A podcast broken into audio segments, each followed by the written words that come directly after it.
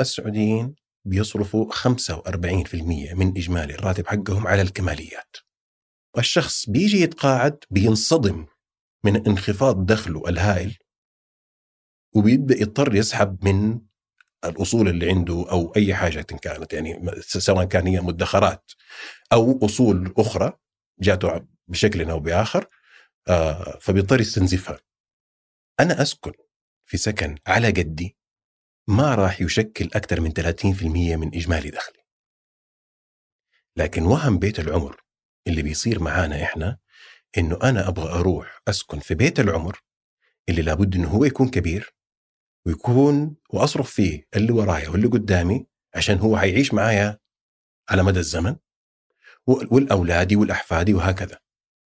ما بحط في بالي موضوع إنه هذا شيء مكلف وله مصاريف. أهلا. هذا فنجان من إذاعة ثمانية وأنا عبد الرحمن أبو مالح. ضيفي في هذه الحلقة صلاح خاشقجي. هذه الحلقة عن المالية. لديه خبرة 15 سنة في النظام المالي وفي آه، البنوك. اليوم يؤسس شركة شركة تمرة في آه، الاستثمار وتسهيل الاستثمار للجميع. الاهتمام اللي يشغل صلاح في حياته كيف للأفراد؟ إنه يكون عندهم وعي مالي أكثر، كيف ممكن يستثمر لتكون حياته حتى بعد التقاعد مريحة له ماليا، لا يتغير عليه، لا يقل دخله المالي. فالحلقة للجميع. اليوم كلنا نهتم للفلوس كلنا تجينا الرواتب بس كلنا تضيع فلوسنا على طول. تمر السنين ولا ندخر الوعي المالي والكفاءة المالية لنا للأفراد يعني ضعيفة. هذه الحلقة مفيدة. أنا أول من استفاد حقيقة. من هذه الحلقة فهي حلقة آه، مفيدة ومهمة حقيقة. فقبل أن نبدأ هذه الحلقة يجب أنك تعطيها أي أحد يجي له راتب. فإذا أي أحد يجي له راتب أعطى هذه الحلقة لعلها تساعده في حياته لأنها قرارات مهمة في حياة آه، كل شخص. آه، كذلك هناك حلقات كثيرة عن الاقتصاد. آه، ستكون رابطها في روابطها موجودة في وصف هذه الحلقة. إذا انتهت من هذه انتهيت من هذه الحلقة وعجبتك الأكيد أن الحلقات التالية بتكون مفيدة لك. أما الآن لنبدأ. إيه، بس في اقتصاديين كثير. إيه. في أحس انها فهي اقتصاد على طول بشوف لازم اشوفها اي okay. يا حقت عبد الله ربدي كانت من أحلى الحلقات. يعني. آه. yes صدق عبد الله هو الوحيد اللي ما سالت عن البيتكوين. بس أه كلهم اللي أسألهم عن البيتكوين دائما يفشلوني ويقولون لا بيتكوين ما موجود ما راح أن لا ندخل في موضوع البيتكوين. ليه ليه ليه, ليه؟ وطراطيع ما ما طراطيع طيب ما في مشكلة. يا أهلا وسهلا. لكن إحنا ممكن نتكلم في موضوع لو إحنا جينا مثلا على موضوع المحفظة المتنوعة المتوازنة، هل البيتكوين ممكن يشكل جزء منها؟ إيوه. أنا دائما أقول إيوه. لما إحنا نقول إن في متغيرات في العالم بتصير. إحنا عندنا آه هذه هذا الكلام حتى يعني أنا مجهز إنه لو نبغى نتكلم في الموضوع ده أنا مجهز إنه مثلا أبغى أقتبس كاثي وود إيش الخمسة آه محاور الأساسية اللي راح تنقلنا لعالم جديد للاقتصاد القادم. آه، محور اللي هو الجينات ومحور البلوك تشين محور الذكاء الاصطناعي والروبوت ال robotics وآخر محور كان تخزين الطاقة. okay. فهدول الأشياء هدول اللي من جد هذه التقنيات اللي راح تغير وجه العالم. وإحنا بنشوف اليوم البلوك تشين البيتكوين هو إحدى تطبيقاتها بس وقتها حتى كانت إيه يعني كانت الحكومة كانت الحكومة تمنع الجوالات الكاميرا. آه، واليوم الحكومة تمنع البيتكوين. تمنع بدون بغض النظر ما منعته ولا تسمح فيه. مسألة متروكة أنت تقدر لانها ما تقدر. أيوه شوف أنت تقدر تمتلكه خارج المملكة إيه؟ لكن داخل المملكة ما تقدر. ما ما يعد كعملة قابلة للمقايضة تجاريا. لكن أنا أقدر أملكه وانت تملكه والحكومة تقول تجرمنا يعني. تملكه خارج المملكه خارج المملكة. أنت ما تقدر تملكه هنا. طيب مثلا عبد الله المعيقل أيوه رين إيه؟ في البحرين. طيب إيه بالضبط في البحرين. فيعني المسألة ما هي ممنوعة فاهم علي؟ بس إنه ما رخصتها ما سوت شيء. بالضبط. هذه مسألة بسيطة. شوف هذه جزئية اللي هي يعني حتى أمريكا مو كل الولايات عندها هذه المسألة. فيعني هي مسألة ما دخلت مكان المنع أو القبول. بسبب إنه إحنا صرنا عالم آه مترابط جدا المنع التام صار تقريبا شبه مستحيل. لأنه أنا في السعودية أقدر أتعامل مع بنك في البحرين.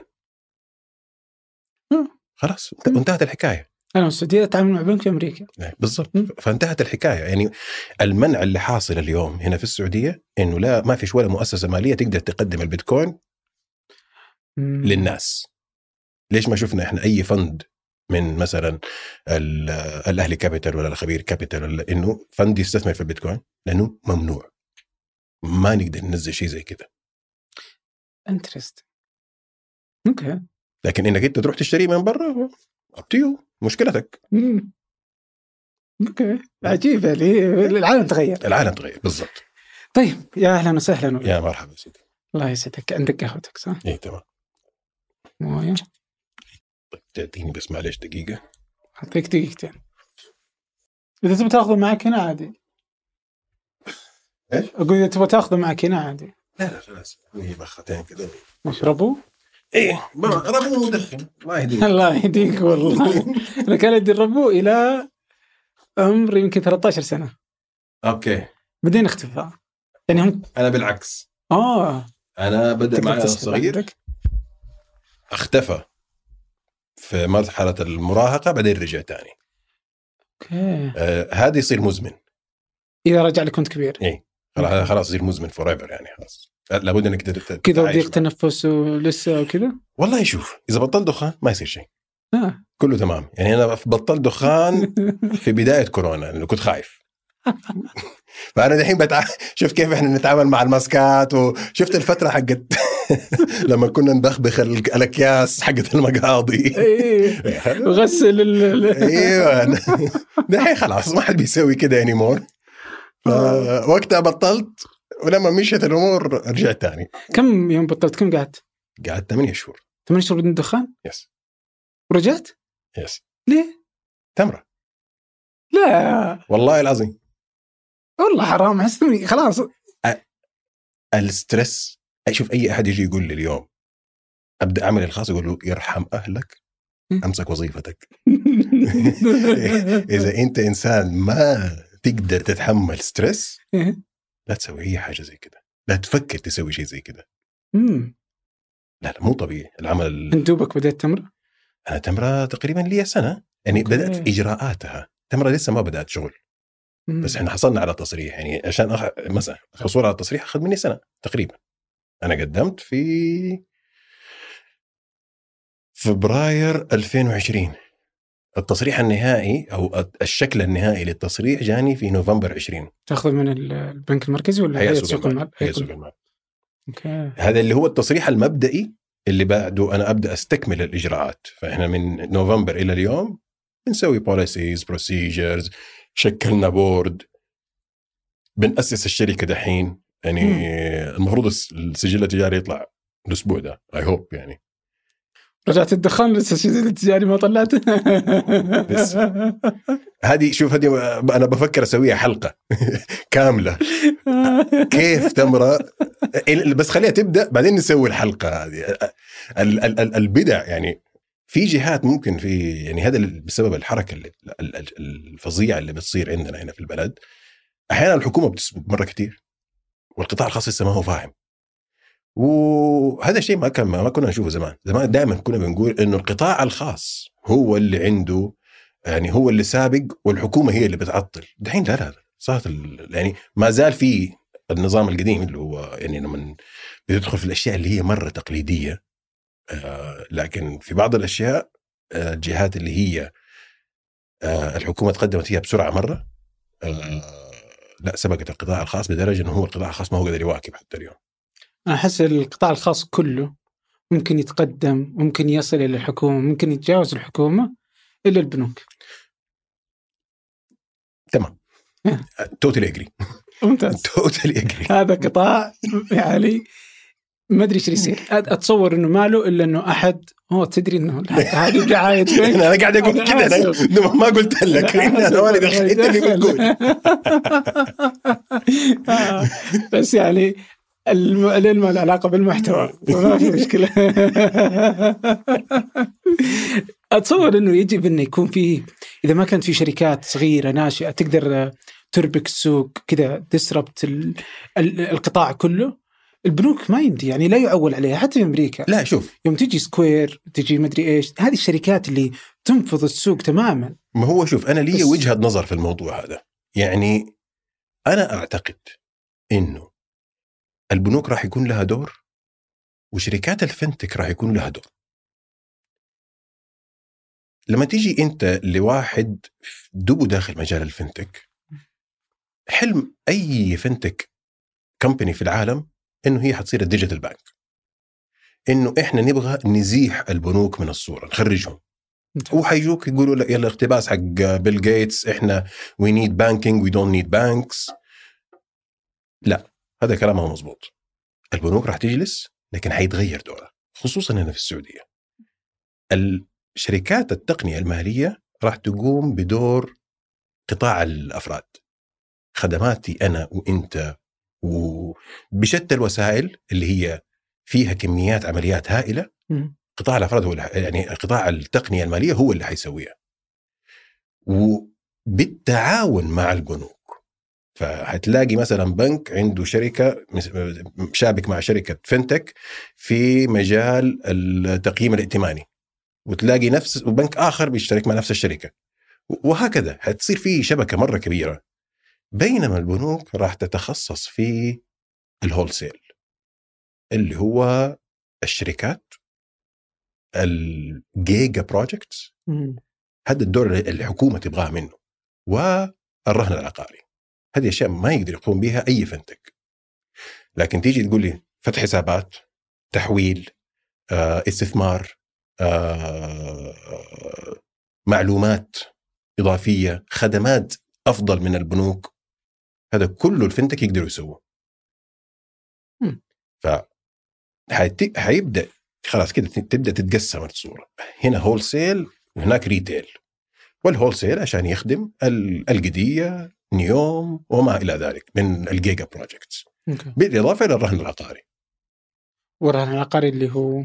اللي هو المورجج آه، التمويل بس هذا ممكن برضو يدخل فيه الفنتك و... صعب صعب م? لأنه الرهن العقاري مدته طويلة جدا فلا بد إنك تكون عندك آه، قدرة إنك تتحمل يكون عندك نفس طويل. حقون الفنتك لا يبغى يحتاج إنه يعني يعمل أرباح بسرعة. آه، المنتج هذا ما تقدر أنت تيجي تعمل شركة صغيرة ناشئة عشان تمول شيء مدته 20 25 سنة. فالبنوك حت في شوية خدمات ممكن أيوه صح ال fintech يدخل فيها لكن نفس عمليه التمويل أعتقد إنها راح تبقى مع البنوك. okay. طيب لو أبغى أفهم الأفراد اللي هون تقصد فيه ال retail؟ أيوه الأفراد والأعمال قديش نسبته من أرباح البنك اليوم؟ الأف... الأفراد بالنسبة للبنك لو راح يفرق معاه؟ طبعا الافراد كم يشكل نسبة مثلا من الأهلي ولا الراجحي أي بنك يعني؟ والله شوف أنا ما عندي يعني معلومات دقيقة اليوم لكن أقدر أقول لك إنه في حدود نص الأرباح بتيجي من الأفراد مع إنه المحفظة. حقت الأفراد بتكون أقل تكون ثلث إلى ربع أو حتى ممكن تكون يعني بالعكس تكون محدودة. لكن أغلب الأرباح بتيجي من قطاع الأفراد. ليه؟ لأنه الشركات لما بتقترض بتقترض هوامش مرة بسيطة واجال جدا طويلة. آه الربح الأكبر بيجي من قطاع الأفراد.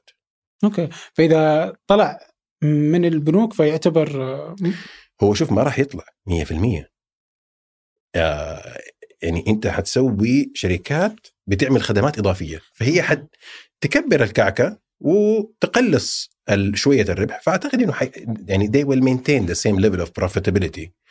آه، ليس بالضرورة إنه هو يبدأ يقل أو إنه هو يخرج بالكامل. ممكن شوف ممكن. هذا شيء وارد. إنه يجي مثلا آه، تطور تقني هائل في الموضوع ده و... وناس يقدروا عندهم يعني تطلع فكرة يعني قوية جدا. مثلا روبن هود للبنوك. لو حصل شيء زي كده أيوه شيء شيء شبه تطبيق روبن هود لكن في قط... في مجال ال retail bank okay. لو حصل شيء زي كذا لا ممكن يصير إخلال هائل في محفظة الريتيل عند البنوك. لكن أعتقد لسه مرة بدري علينا اللي هو ممكن عندنا في دراية. يعني آه. نسخة مشوهة من روبن هود بس يعني. لا لا لا, لا؟ دراية بعيدة جدا. مرة بعيدة. آه دراية هي نفس بتقدم نفس الخدمات التقليدية للوساطة في الأسهم لكن عندها أسواق عندها منتجات زيادة فقط لا غير. دراية ما اشتغلت على ال interface. هذه واحدة من الأشياء الأساسية عند روبن هود إنه سووا حاجة اسمها gamification صحيح. yes آه، دراية لا لسه. نفس تقريبا نفس الشاشة حقت الأهلي التداول إن ما كانت أسوأ. هو كل البنوك سيئه إيه. إيه حتى دراية. بس دراية ان نقطتي هنا إيش اللي يجي؟ إنه قدرت إنها تمكن الناس آه الأفراد إنه يقدروا على طول يسجلوا. ان التسجيل ياخذ كذا على طول. صحيح. آه تقدر تشتري في الأسهم الأمريكية بياخذ عليك الظاهر ريالين أو دولارين. أنا ناسي يعني بس إنها رسوم محددة. كذا بسط العملية البنكية. بالضبط. لكن الواجهة للمستخدم وطريقة تسهيل العملية إغراء الناس بالشراء هذه بعيدة كل البعد عن روبن هود رغم إنها ماخذ في روبن هود في أمريكا. مضبوط هي. إنها جالسة تلعب على الصغار. والمراهقين في إنهم يدخلون. شوف دائما إحنا حنعمل أي تقنية جديدة حتلاقي ناس يتفقوا وناس يختلفوا. في النهاية التقنية حتمشي. وما نعرف إحنا بالضبط فين حتودينا. ما حد يقدر يعرف فين بالضبط حتودينا. لكن لابد يكون في منتقدين في لابد انه يكون في ناس مؤيدين. فهل حكاية الجيميفيكيشن هذه جيدة؟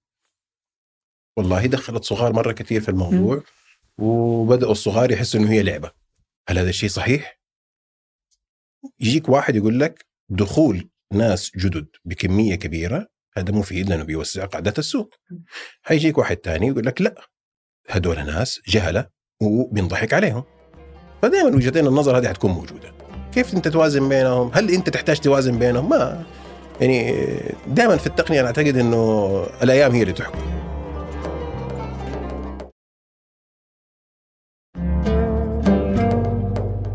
لكن يعني شا- شايف كيف يعني تغيرات اليوم؟ يعني بتصور آه، كذا إذا أخذنا شكل ال- البنوك STC Pay واللي جالس يسويه جالس يجي كذا يلعب لعبة جديدة في شكل القطاع للأفراد بالدرجة الأولى. آه، لما تجي الشركات الكثيرة هذه أتصور تعاونها مع بعض تداخلها مع بعض قد يزيح شكل كبير من البنوك في السعودية يعني. بالضبط. هل في هذه- قطاع الأفراد. في قطاع الأفراد. إيه. لا يمكن في القطاع ال- يعني لا ما لا لا ما بس السي كل- سي عندها ب- إذا أخذنا السي سي إنها كشركة الأم المالكة للسي سي إيه إيه شوف السي سي إيش هي أصلا؟ قوتها قوتها الأساسية. اس تي سي عندها آه، عدد عملاء أكبر من أي بنك. أكبر بنك عدد الأفراد اللي عنده في حدود 3 مليون. STC عنده 10 مليون. ف yes هو STC يعني إذا إحنا بنتكلم على أي تهديد للبنوك في قطاع الأفراد فقط. يقول لك هي شركات الاتصالات اليوم. مم. آه، و STC ماشية في الموضوع ده ماشية في أكثر على أكثر من اتجاه. يعني يمكن سمعت أنت على ال- دخول Western Union مع STC. اللي ما يعني اللي قليل يعرفوه في الحكاية هذه Western Union هو اللي كان بيجري ورا STC وليس العكس. وجزء من الصفقة كان إنه بقية المبلغ اللي هو الثلث الأخير راح راح يوصل ل STC إن شاء الله الدفعة الأخيرة لما يحصلوا على رخصة بنك digital. اوه فهم رايحين رايحين في الموضوع ده. قد إيش السرعة قد إيش القدرة آه، هل حيكون STC Pay في عندها full access على قاعدة البيانات حقت STC؟ ما نعرف. لكن بقول لك هذه دائما نشوف الأيام هي اللي راح تحكم في الموضوع ده. okay. طيب آه، انه دخلنا كذا؟ يعني دخلنا غلط في البنوك. مرة. بس ودي أعرف رأيك تجاه آه، الاندماجات اللي تحصل. أو آه، ساب والأول ال- ما هو شوف. سامبا والأهلي. هذا بيعزز وجهة نظري أنا. في حكاية. إحنا بدأنا ولا ما بدأنا؟ بدأنا. ترى- لا لا ما بدأنا ولا هذا هذا الكلام كله off off record كل الكلام ده off record المفروض. إحنا نبغى نتكلم عن الادخار وال... ندخل نجيب نجيب نجيب. الاندماجات هذه بتعزز الفكرة حقتي أنا اللي هي إنه البنوك راح تتخصص في ال wholesale لأنه كل ما بتندمج البنوك كل ما بيصير عندها ملاءة مالية أعلى كل ما يصير عندها قدرة على إنه هي مساحة أكبر للإقراض للشركات أوكي فبالتالي هل الاندماجات هذه جيدة؟ أيوه لا أنا أنا أؤيد الاندماجات لأنها تخفض تكاليف. وتعطي مساحة أوسع في ال... الإقراض. يعني بتحقق الأهداف العامة لقطاع الهولسيل اللي هو الشركات. هل بيخدم قطاع الأفراد؟ ليس بالضرورة لأنه بتقل المنافسة نوعا ما. لكن في الأساس الخدمات ما كانت جيدة بالشكل الكافي. يعني إيه؟ لما حنيجي نقول إنه لا الخدمات راح تتضرر ما أعتقد إنها هي راح تتضرر أكثر من كذا يعني هي أصلا ما كانت آه، بالمستوى العالي الجوده اللي إحنا بنقول إنه راح يصير في تضرر في المنافسة. لا بالعكس المنافسة جدا حامية. وبتقدر تشوف أنت اليوم يعني هوامش الربح على التمويل بتنخفض. صحيح. آه، بسبب منافسة حاميه فعلى الرغم من اندماجات والأشياء هذه اللي بتصير برضو في ما زالت منافسة عالية عالية جدا. قطاع الأفراد هو أكثر قطاع مربح للبنوك okay. وأكثر قطاع منخفض المخاطر للبنوك. فعلى المستويين هو أهم آه يعني هو البيض اللي هو الدجاج إيش هي؟ وزة الوزه هي الوزه اللي بتبيض لهم ذهب يعني إيه. الدجاجه اللي بتبيض لهم ذهب فالكل حتلاقي إنه الكل بيتضارب عليه بشكل أو بآخر و بس يعني بس مشكلته هو أحيانا لما الناس تنظر له أتوقع إنهم ينظرون له من قطاع الافراد يعني بالدرجة الأولى إنه أصلا إحنا ما عندنا أصلا بنوك قليلة وإنه خدمات الأفراد سيئة فالآن أنت جالس تقللها شوف إحنا ما نحتاج أن تدعم الاحتكار وتدعم يعني لا لا شوف إحنا ما نحتاج ليه هنا في السعودية هي بنوك متخصصة وليس بنوك شاملة.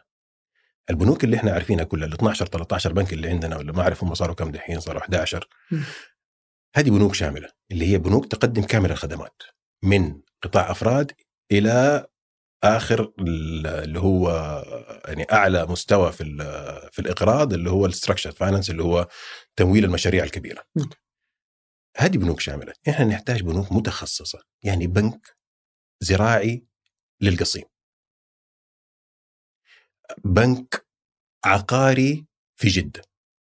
هذا تجاري؟ يكون, يكون تجاري أيوه بس إنه المنتج الأساسي حقه يكون عقاري، بنوك محلية. بنوك متخصصة في منتجات محددة. تمويلية؟ تمويلية أيوه. طيب يعني زي بداية وغيرها وهذه؟ آه هذه بداية يعني بس هي ما هي بنك، بداية هي عبارة عن شركة تقسيط. أنت عشان تصير بنك لابد إنك أنت تستقبل ودائع. أوكي. فما ما هم أخذين آه ولهذا السبب حتشوف شركات مثلا زي بداية إنه تكلفة الإقراض عندهم عالية شوية لأنه التمويل حق الإقراض هذا ما بيجي من ودائع العملاء. آه. بيجي من فلوس مستثمرين. فالمستثمر يبغى عائد والعائد عالي شوية. بينما ودائع العملاء وهذه نقطة هذه نقطة يعني ممكن هذه تكون النقطة اللي هي المدخل اللي إحنا نتكلم عليه. ودائع البنوك السعودية هي من أعلى البنوك حول العالم في الربحية على رأس المال الآر أو إي حقها. أحد أهم الأسباب لهذا الشيء هي تكلفة رأس المال المنخفضة جدا جدا جدا عندنا. رأس المال أنا مو قصدي على رأس مال البنك نفسه لا تكلفة التمويل تكلفة المال نفسه. عندهم هم تقريبا 1.1 تريليون ريال موجودة في الحسابات الجارية اللي هي حسابي أنا وحسابك أنت وحسابك ما فيش أي أحد بياخذ عليها أي فوائد أو أرباح.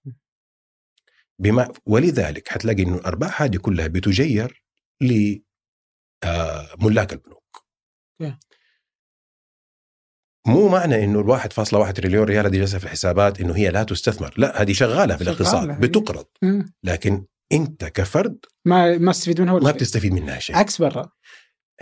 ال 1.1 تريليون ريال هذه تشكل 85% من إجمالي الودائع البنكية عندنا في السعودية. برا في أمريكا مثلا اللي هي ال checking account اللي هي الحسابات الجارية 20% فقط. بقية يعني الناس بتحط حساب فلوسها في حسابات بتاخذ عليها عائد اللي هي تكون حساب ادخار؟ حساب ادخار حساب آه، استثماري حساب سميه ما شئت. حيجوني ناس حيقولوا لي إنه هذا عليه فوائد في بدائل إسلامية موجوده اليوم. مم. لكن ما هي مفعله أو ال- الناس ما عندها وعي كافي لإنه هي آه يعني تروح مع المنتجات هذه.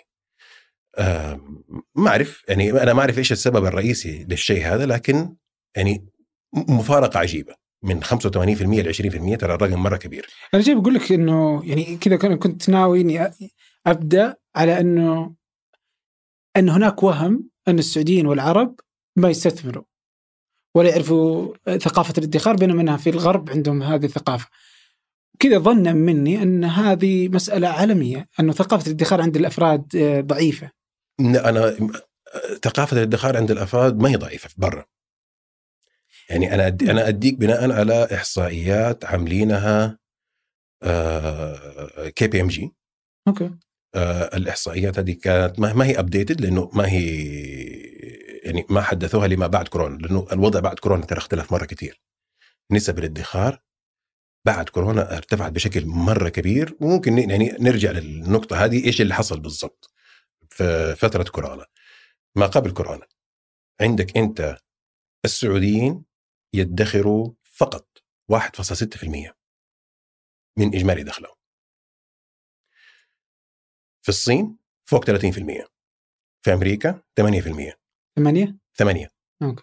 في أوروبا تقريبا ما- بين 5 إلى 6% مم. فإحنا من أقل الدول ادخارا وهذه واحدة من الأشياء اللي جات في برنامج التطوير المالي إنه إحنا نبغى نرفع النسبة هذه لأنه وش برنامج تطوير المالي؟ برنامج واحد من برامج الرؤية okay. إنه نبغى نوجد منتجات تساعد أو برامج تساعد إنه كيف نرفع نسبة الادخار هذه. ليش الم... ليش الشيء هذا موجود عندنا؟ ليش ليش الخلل هذا؟ أنا أقول لك إنه في عدد من الجوانب. جزء منه ثقافة استهلاكية عالية جدا وجزء منه ثقافة اتكالية نوعا ما. إيش تقصد؟ لما بقول اتكالية إنه خلاص أنا لما حتقاعد في عندي الراتب التقاعدي، أنا ما أحتاج إني أنا أدخر، أنا ما أحتاج إني أنا أسوي أي حاجة. في أحد حيشيل الش- يعني ال- المصاريف حقتي عني أو حاجة زي كده. وللأسف احصائيا يعني برضو نفس الإحصائية هذه بتقول إنه الفئة العمرية بين 60 إلى 64 معدل الادخار عندهم ناقص 40% بمعنى إنه الشخص بيجي يتقاعد بينصدم من انخفاض دخله الهائل وبيبدأ يضطر يسحب من الأصول اللي عنده أو أي حاجة كانت يعني سواء كان هي مدخرات أو أصول أخرى جاته بشكل أو بآخر آه فبيضطر يستنزفها. عشان؟ يبقى بس على نفس المستوى المعيشي اللي هو كان عايش عليه على آخر راتب. ليه؟ إذا أخذنا إنه التأمينات أنت تقصد بهذا إنه يقصد إنه التأمينات الاجتماعية؟ ترجع راتبه إذا تقاعد. لا أنت ما حد- أنت ما, ما عمرك راح تحصل على راتبك كامل. أنت أول شيء التامينات الاجتماعية كيف ف- كيف بتنحسب؟ بتنحسب على الراتب الأساسي زائد بدل السكن، طب صحيح. أنت بقية البدلات وال والعلاوات والبونصات اللي تاخذها وال شو اسمه هذا ال- العمولات. في بعض الناس بيعتمدوا على العمولات. هذه كلها ما بتدخل في التامينات الاجتماعية. يا سيدي على فرض على سبيل يعني لنفرض جدلا إنه هو ما بيأخذ أي بونص ولا أي حاجة لكن هو عنده راتب أساسي وراتب آه، واللي هو بدل السكن وشوية بدلات أخرى. كل البدلات الأخرى هذه ما تدخل في الحسبة. وإنت عشان تحصل على الراتب الأساسي زائد بدل السكن بالكامل لابد إنك أنت تتم 40 سنة عمل. مم. فلو تقاعدت مبكر راح تحصل على تقريبا ثلثين المبلغ ده. لو انت ما استكملت المدة أو وصلت لل 60 قبل ما تكمل ال 40 سنة عمل راح تحصل على نسبة من من المبلغ ده. فلا بد يعني آه، بأي واو، حال يعني من لازم إنك تكون اشتغلت وعمرك 20 سنة. تقريبا. okay. فعشان كده تقريبا ما فيش أحد ما في أحد. إيه ما أحد بيقدر يعمل ال- المعادلة هذه. في القطاع العام آه، خصوصا مثلا العسكريين الوضع ممكن يكون حتى أسوأ أسوأ. إنه البدلات البدلات عندهم أعلى بكثير صح عشان كده أنا دائما لما بتكلم بعطي أي نصيحة لأي شخص بقول له دائما لابد إنك من أول يوم في وظيفتك إنك أنت تدخر 20% من راتبك. هذه ال 20% توجهها إلى محفظة متنوعة متوازنة تخدم التقاعد. عشان أنت راح تصرف منها في التقاعد. دائما عندي السؤال الجدلي. طب أنا لما أكبر في السن آه، ما حأستمتع بالفلوس هذه؟ ما أنا أستمتع بها دحين وأنا شباب؟ هذه هي الثقافة الاتكاليه اللي عندنا أنا قلت لك عليها. في هذه هذه الثقافة منتشرة عندنا للأسف. ما بينظر لها إنه أنا لما بأوصل لسن الستين قدرتي على إني أنا أولد دخل بتضعف. فلا بد إنه أنا أكون شلت جزء من دخلي وأنا وأنا آه، في عز شبابي للفترة هذه. آه يعني بعض الأحيان بيجي بتجيني أسئلة على موضوع آه أنا كيف أستثمر لأولادي؟ أقول له غطي نفسك اولا. أهم نقطة إنك أنت تعملها مع أولادك إنك أنت لا تشيلهم همك لما تكبر. يعني آه في أفراد كثير عندنا في المجتمع بيكون في جزء من دخلهم بيروح ل والديهم يعني برا واحسانا وهذا شيء جميل جدا ولكن لو انت شلت نفسك وما خليت نفسك في حاجة أولادك آه راح تريحهم. لا تفكر يعني لا لا تاخذ آه لا تعمل أخطاء مالية. انت لما ما بتدخر 20% من دخلك على الأقل هذا أكبر خطأ مالي انت بترتكبه. أوكي. طيب أعطني اني لو أنا أخذت الحين 20% إيه؟ من دخلي وبدأت أحطه كل مرة آه، في مكان ما الحين بنشتغل على وين بيكون هذا المكان بس في حال إني استثمرت هذا الاستثمار لما يكون عمري 60 يعني وش المتوقع إنه يكون عندي؟ هل عندي لأنه أحيانا تسمع عن الاستثمار إنه مع استثمار تراكمي وإنك إذا أنت استثمرت ومدري كيف إنك تكون آه، يعني عندك آه، وفرة مالية إذا ما كان يعني بس هذا صحيح؟ هل أنت لما يكون عمرك 60 عندك اللي يسد حالك ولا بيكون عندك فلوس جيدة ولا وش وش طبيعة حياتك لما يكون عمرك 60 وجالس تستثمر 20 20% من راتبك كل سنة أو كل شهر؟ بسبب النظام الجيد اللي موجود عندنا إحنا بين التقاعد والتأمينات ال 20% هذه راح تكفيك إنه أنت تستمر بنفس مستوى المعيشة حق آخر راتب لك لمدة 30 سنة على الأقل. فلو انت تقاعدت على سن الستين تقريبا إلى سن التسعين انت بتستمر بنفس مستوى المعيشة حق آخر راتب لك. و يعني المتوسط الأعمار ما أعتقد إنه هو أعتقد هو بين 82 83 اليوم. ف... في السعودية أتوقع 76 76 فبالتالي في عندك مساحة حتى يعني انت تقدر حتى ترفع من مستوى دخلك إذا انت حتى لو لو بتستهدف 76 76 بخلص كل فلوسي. أهو حتى مثلا لو أنت بتتكلم على إنه أنا أعمل استثمار أو أترك شيء لعيالي أهو تقدر. يعني لو أنت بس وصلت ل 76 راح تترك جزء من المبلغ هذا لأبنائك. يعني أحيانا الناس اللي ما تنظر إنه بعد 60 إذا افترضنا إنها 76 80 الآن أنت تتكلم عن 20 سنة. يعني ما يعني مرة كثير. يعني 20 سنة يعني ما يعني ما أتخيل كيف إنه ممكن تعيش حياتك إذا كان مثلا دخلك أقل ولا غيره. يعني مرة كثير. مو يعني هذه هي الفكرة السائدة برا إنه أنا دائما بخطط للسنوات هذه. الفكرة مو إنه أنا آه، قاعد آه، أزرع اليوم عشان أنا أحصد لاحقا. لا الفكرة إنه أنا بدور على شيء مستدام. أبغى أعيش بنفس الطريقة على مدى حياتي كلها. ما أبغى أجي في يوم وأتعب في حياتي. فالتخطيط للتقاعد من أول يوم في الوظيفة مهم جدا جدا. وإنك أنت تشغل كل فلوسك يعني تحصل على شوية من الأرباح اللي بياخذوها البنوك. يعني دائما أسمع أنا الشكاوي حقت اللي هي بيتكلموا على البنوك ما بتعطي للمجتمع البنوك ما بتسوي عزيزي أنت اللي بتسمح لها بالشيء هذا. لما أنت تسيب فلوسك في الحساب الجاري بتتراكم وما بتشتغل البنوك هي اللي بتستفيد من الموضوع ده. فأنت أستثمر المبالغ هذه بدل ما المال حقك يكون عاطل. وهذا هو يعني ما بيشتغل انه لما بيجلس في الحساب الجاري ما بيشتغل لك أنت بيشتغل للبنك فقط. أوكي. خليه يشتغل لك أنت.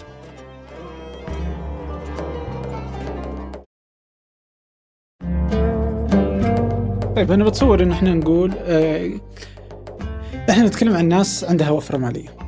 يعني إذا إنه حسابي جالس في البنك ما عندي فلو يعني فلوسي موجودة فيه معناته ان عندي فلوس. خلينا نتكلم عن الناس اللي شوف حتى الناس هذول نفس الإحصائية حقت KPMG ويمكن نحتاج نحط رابط لها في شو اسمه هذا.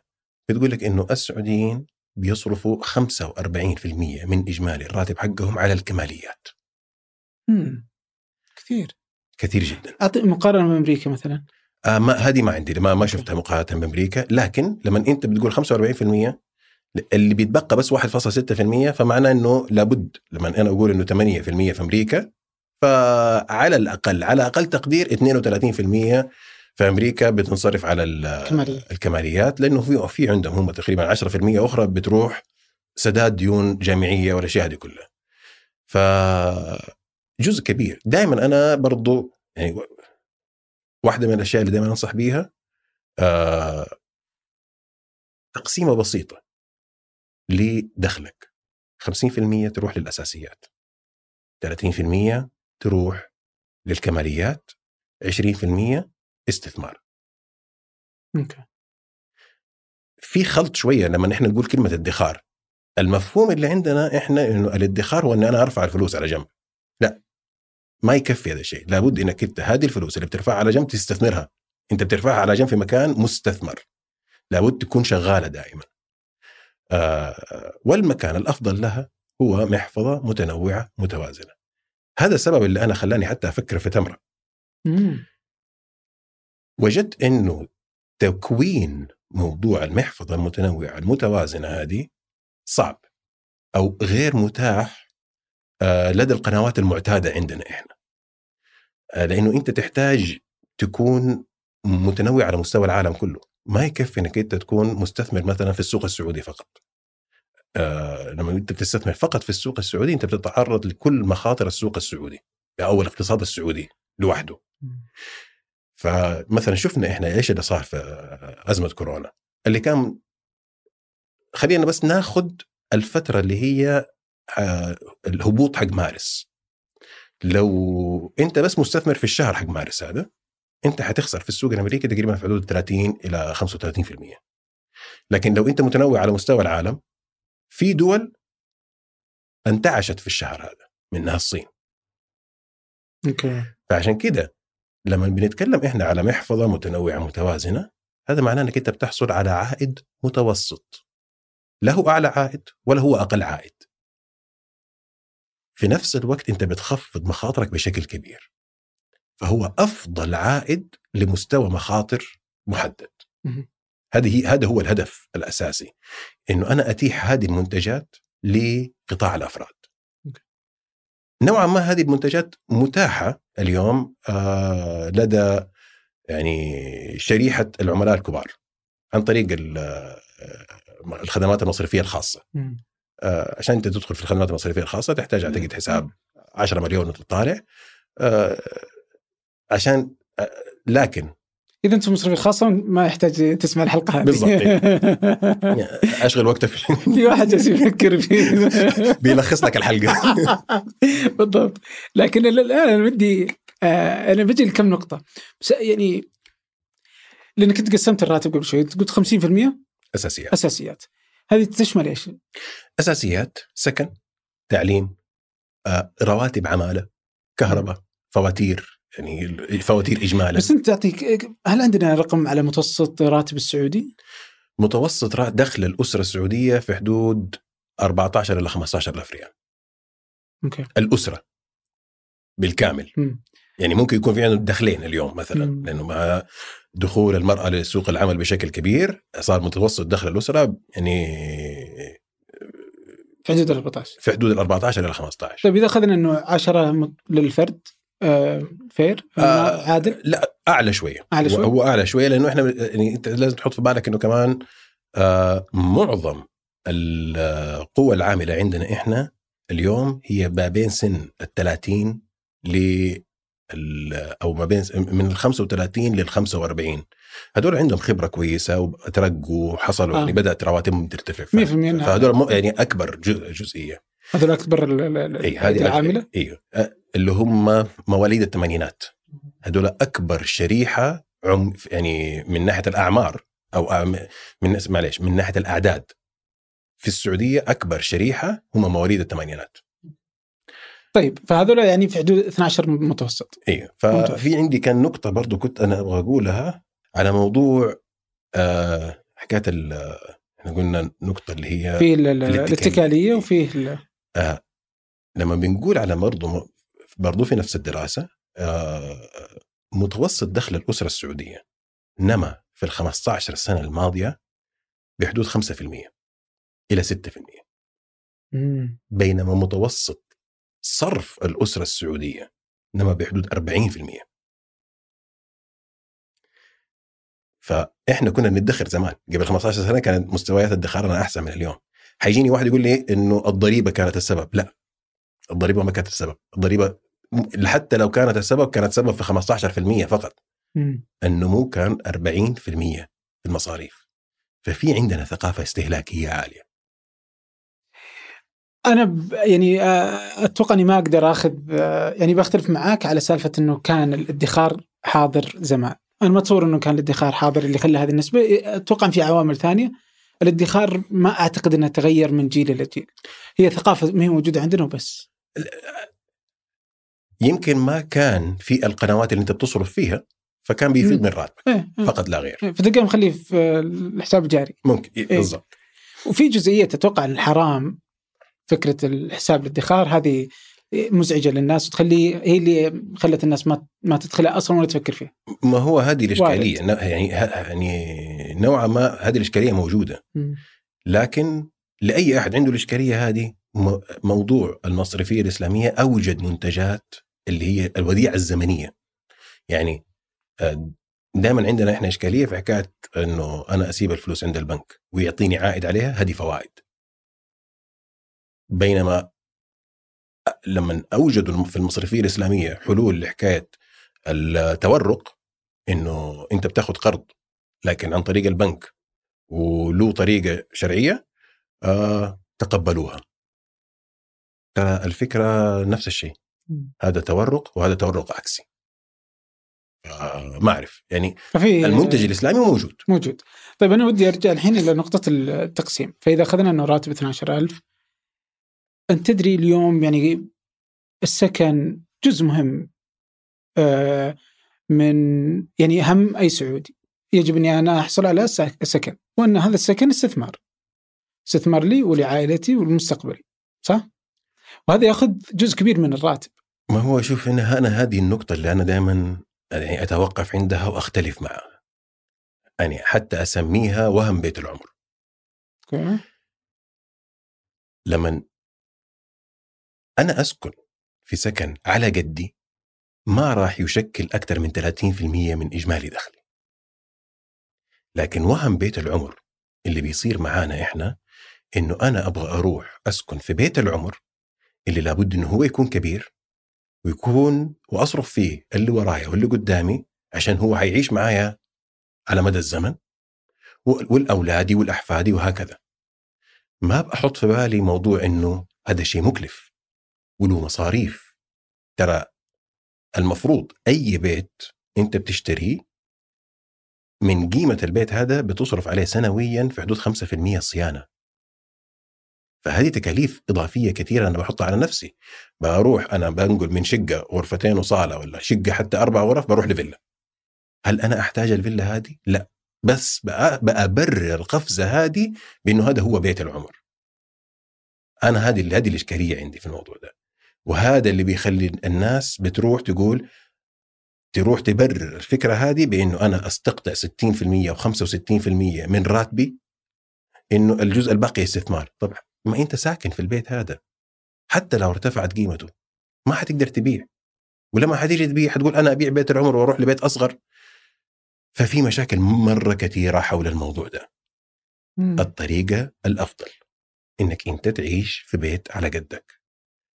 حتي في عندنا اليوم برامج بتدعم ال- السكن عن طريق وزارة الإسكان وصندوق والصندوق العقاري. آه، بتروح أنت تاخذ القرض بيكون مدعوم اللي اول 500 ألف ما حيكون عليه أي فوائد. هذا الشيء اليوم بيتيح لك إنك أنت تشتري بيت بنفس قيمة إيجارك. لو كان نفس البيت لو كان بنفس مستوى البيت اللي انت عايش فيه اليوم. لكن الناس للأسف بيقول لك أنا أبغى أستغل النقطة هذه اذا أنا أروح على بيت كبير جدا. واحدة من المشاكل اللي أسست للفكرة هذه كان صعوبة بيع البيوت أو البيوت اللي هي عليها رهن عقاري. هذا الشيء حيبدأ يختفي تدريجيا. يعني آه واحدة يعني برامج الإسكان يعني هذه واحدة من يعني الأشياء اللي أقدرها بشكل كبير جدا يعني من أنج... يمكن هي من أنجح البرامج حقت الرؤية بتخلق سوق عقاري هائل وبتنوع في مصادر التمويل أو عمليات التمويل فيه. ففي المستقبل القريب اللي هو قريب جدا حتى حنبدا نشوف إنه عمليات البيع بيع الرهون العقارية تصير أسهل. فأنت تقدر أنت اليوم في بيتك وتحت بيتك أربع غرف جاك مولود تحتاج بيت خمسة غرف تبيع البيت اللي أنت فيه تاخذ آه الفرق من سعر البيع وقيمه القرض تحط الفرق هذا كدفعة أولى في البيت الجديد وتستمر على القرض. والقرض ما يكون ما راح يرتفع بشكل كبير. فأنت بتستمر تقريبا في نفس القرض. هذا اللي إحنا نسميه السلم العقاري إنك أنت بترتقي في السلم بتكبر بيتك وبتستخدمه كمحفظه استثمارية تستفيد من الارتفاع في أسعار العقارات. هذه هي الوسيلة الوحيدة اللي أنا أقول إنه أيوه أنا أتفق معاها إنك أنت تروح وتشتري بيت. لكن فكرة بيت العمر أنا يعني للأسف يعني أرفضها جملة وتفصيلا لأنه في النهاية بتستنزفك بشكل غير طبيعي و بتدمر الفرص البديلة لك. لو أنت قاعد في نفس البيت اللي هو أربع غرف اللي أنت ما تحتاج غيره واستثمرت الفرق اللي أنت بتحطه في البيت هذا راح يجيك عائد أفضل. امم بس أنا برضو أنا أبغى بيت. يعني أبغى يعني بيت لي وللمستقبل. خلاص هذا شيء أنا أضمنه أرتاح. يعني هذا الشيء الوحيد إذا ما أنا عندك أعطيك منزل أعطيك المعادلة بشكل مختلف آه. إيش الفرق بين إنك أنت تمتلك شقة آه، قيمتها 500 ألف أو إنه أنت يكون عندك 500 ألف في أسهم تدر لك دخل بحدود 40 ألف في السنة وتستأجر بيت مم. بس الأسهم من يضمنها؟ على المدى الطويل مم. الأسهم دائما تطلع أوكي. دائما. عشان كده لما تبغى تستثمر في الأسهم يمكن في عندنا إحنا حساس حساسية تجاه الأسهم من اللي حصل في 2006 أنسى اللي حصل في 2006 أبدأ من بعد. لن يتكرر اللي حصل في 2006 ممكن يتكرر. وأتك... و...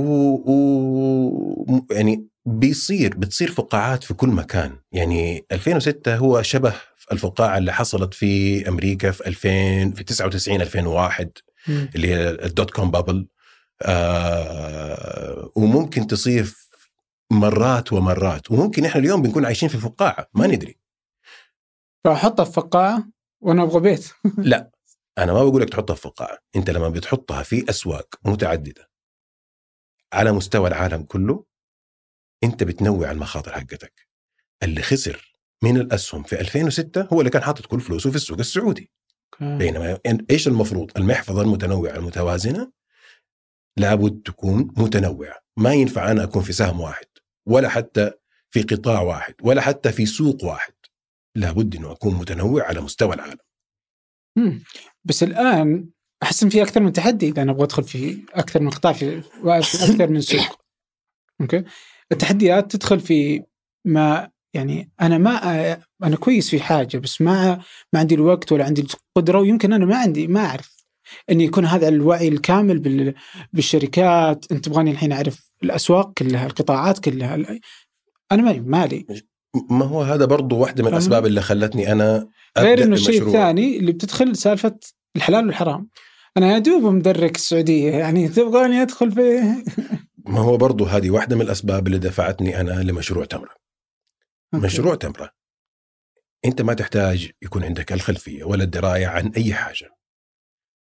كل اللي حيصير إنك أنت آه بتفتح حساب وبناء على الحساب هذا ب- نقول لك أنت إيش ال- ال- الصناديق الأفضل لك. الحساب حقك حيكون فيه صناديق مؤشرات متداولة. صناديق المؤشرات المتداولة هذه واحدة من الابتكارات ال- الرائجة اليوم. ما هي جديدة جدا بس هي بدأت تصير رائجة أكثر وأكثر في الفترة الأخيرة. نفس الصندوق اللي أنت تعرفه اللي كان بيتوفر عند آه، الشركات المالية اليوم صار مدرج في السوق.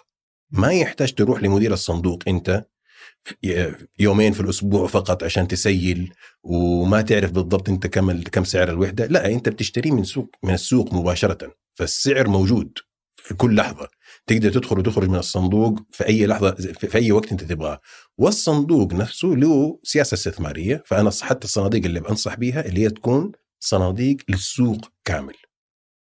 صن... انت بتشتري في صندوق واحد مثلا على سبيل المثال في عندنا صندوق اسمه SPY هذا الصندوق يت- يتبع مؤشر ال S&P 500 بمعنى آه.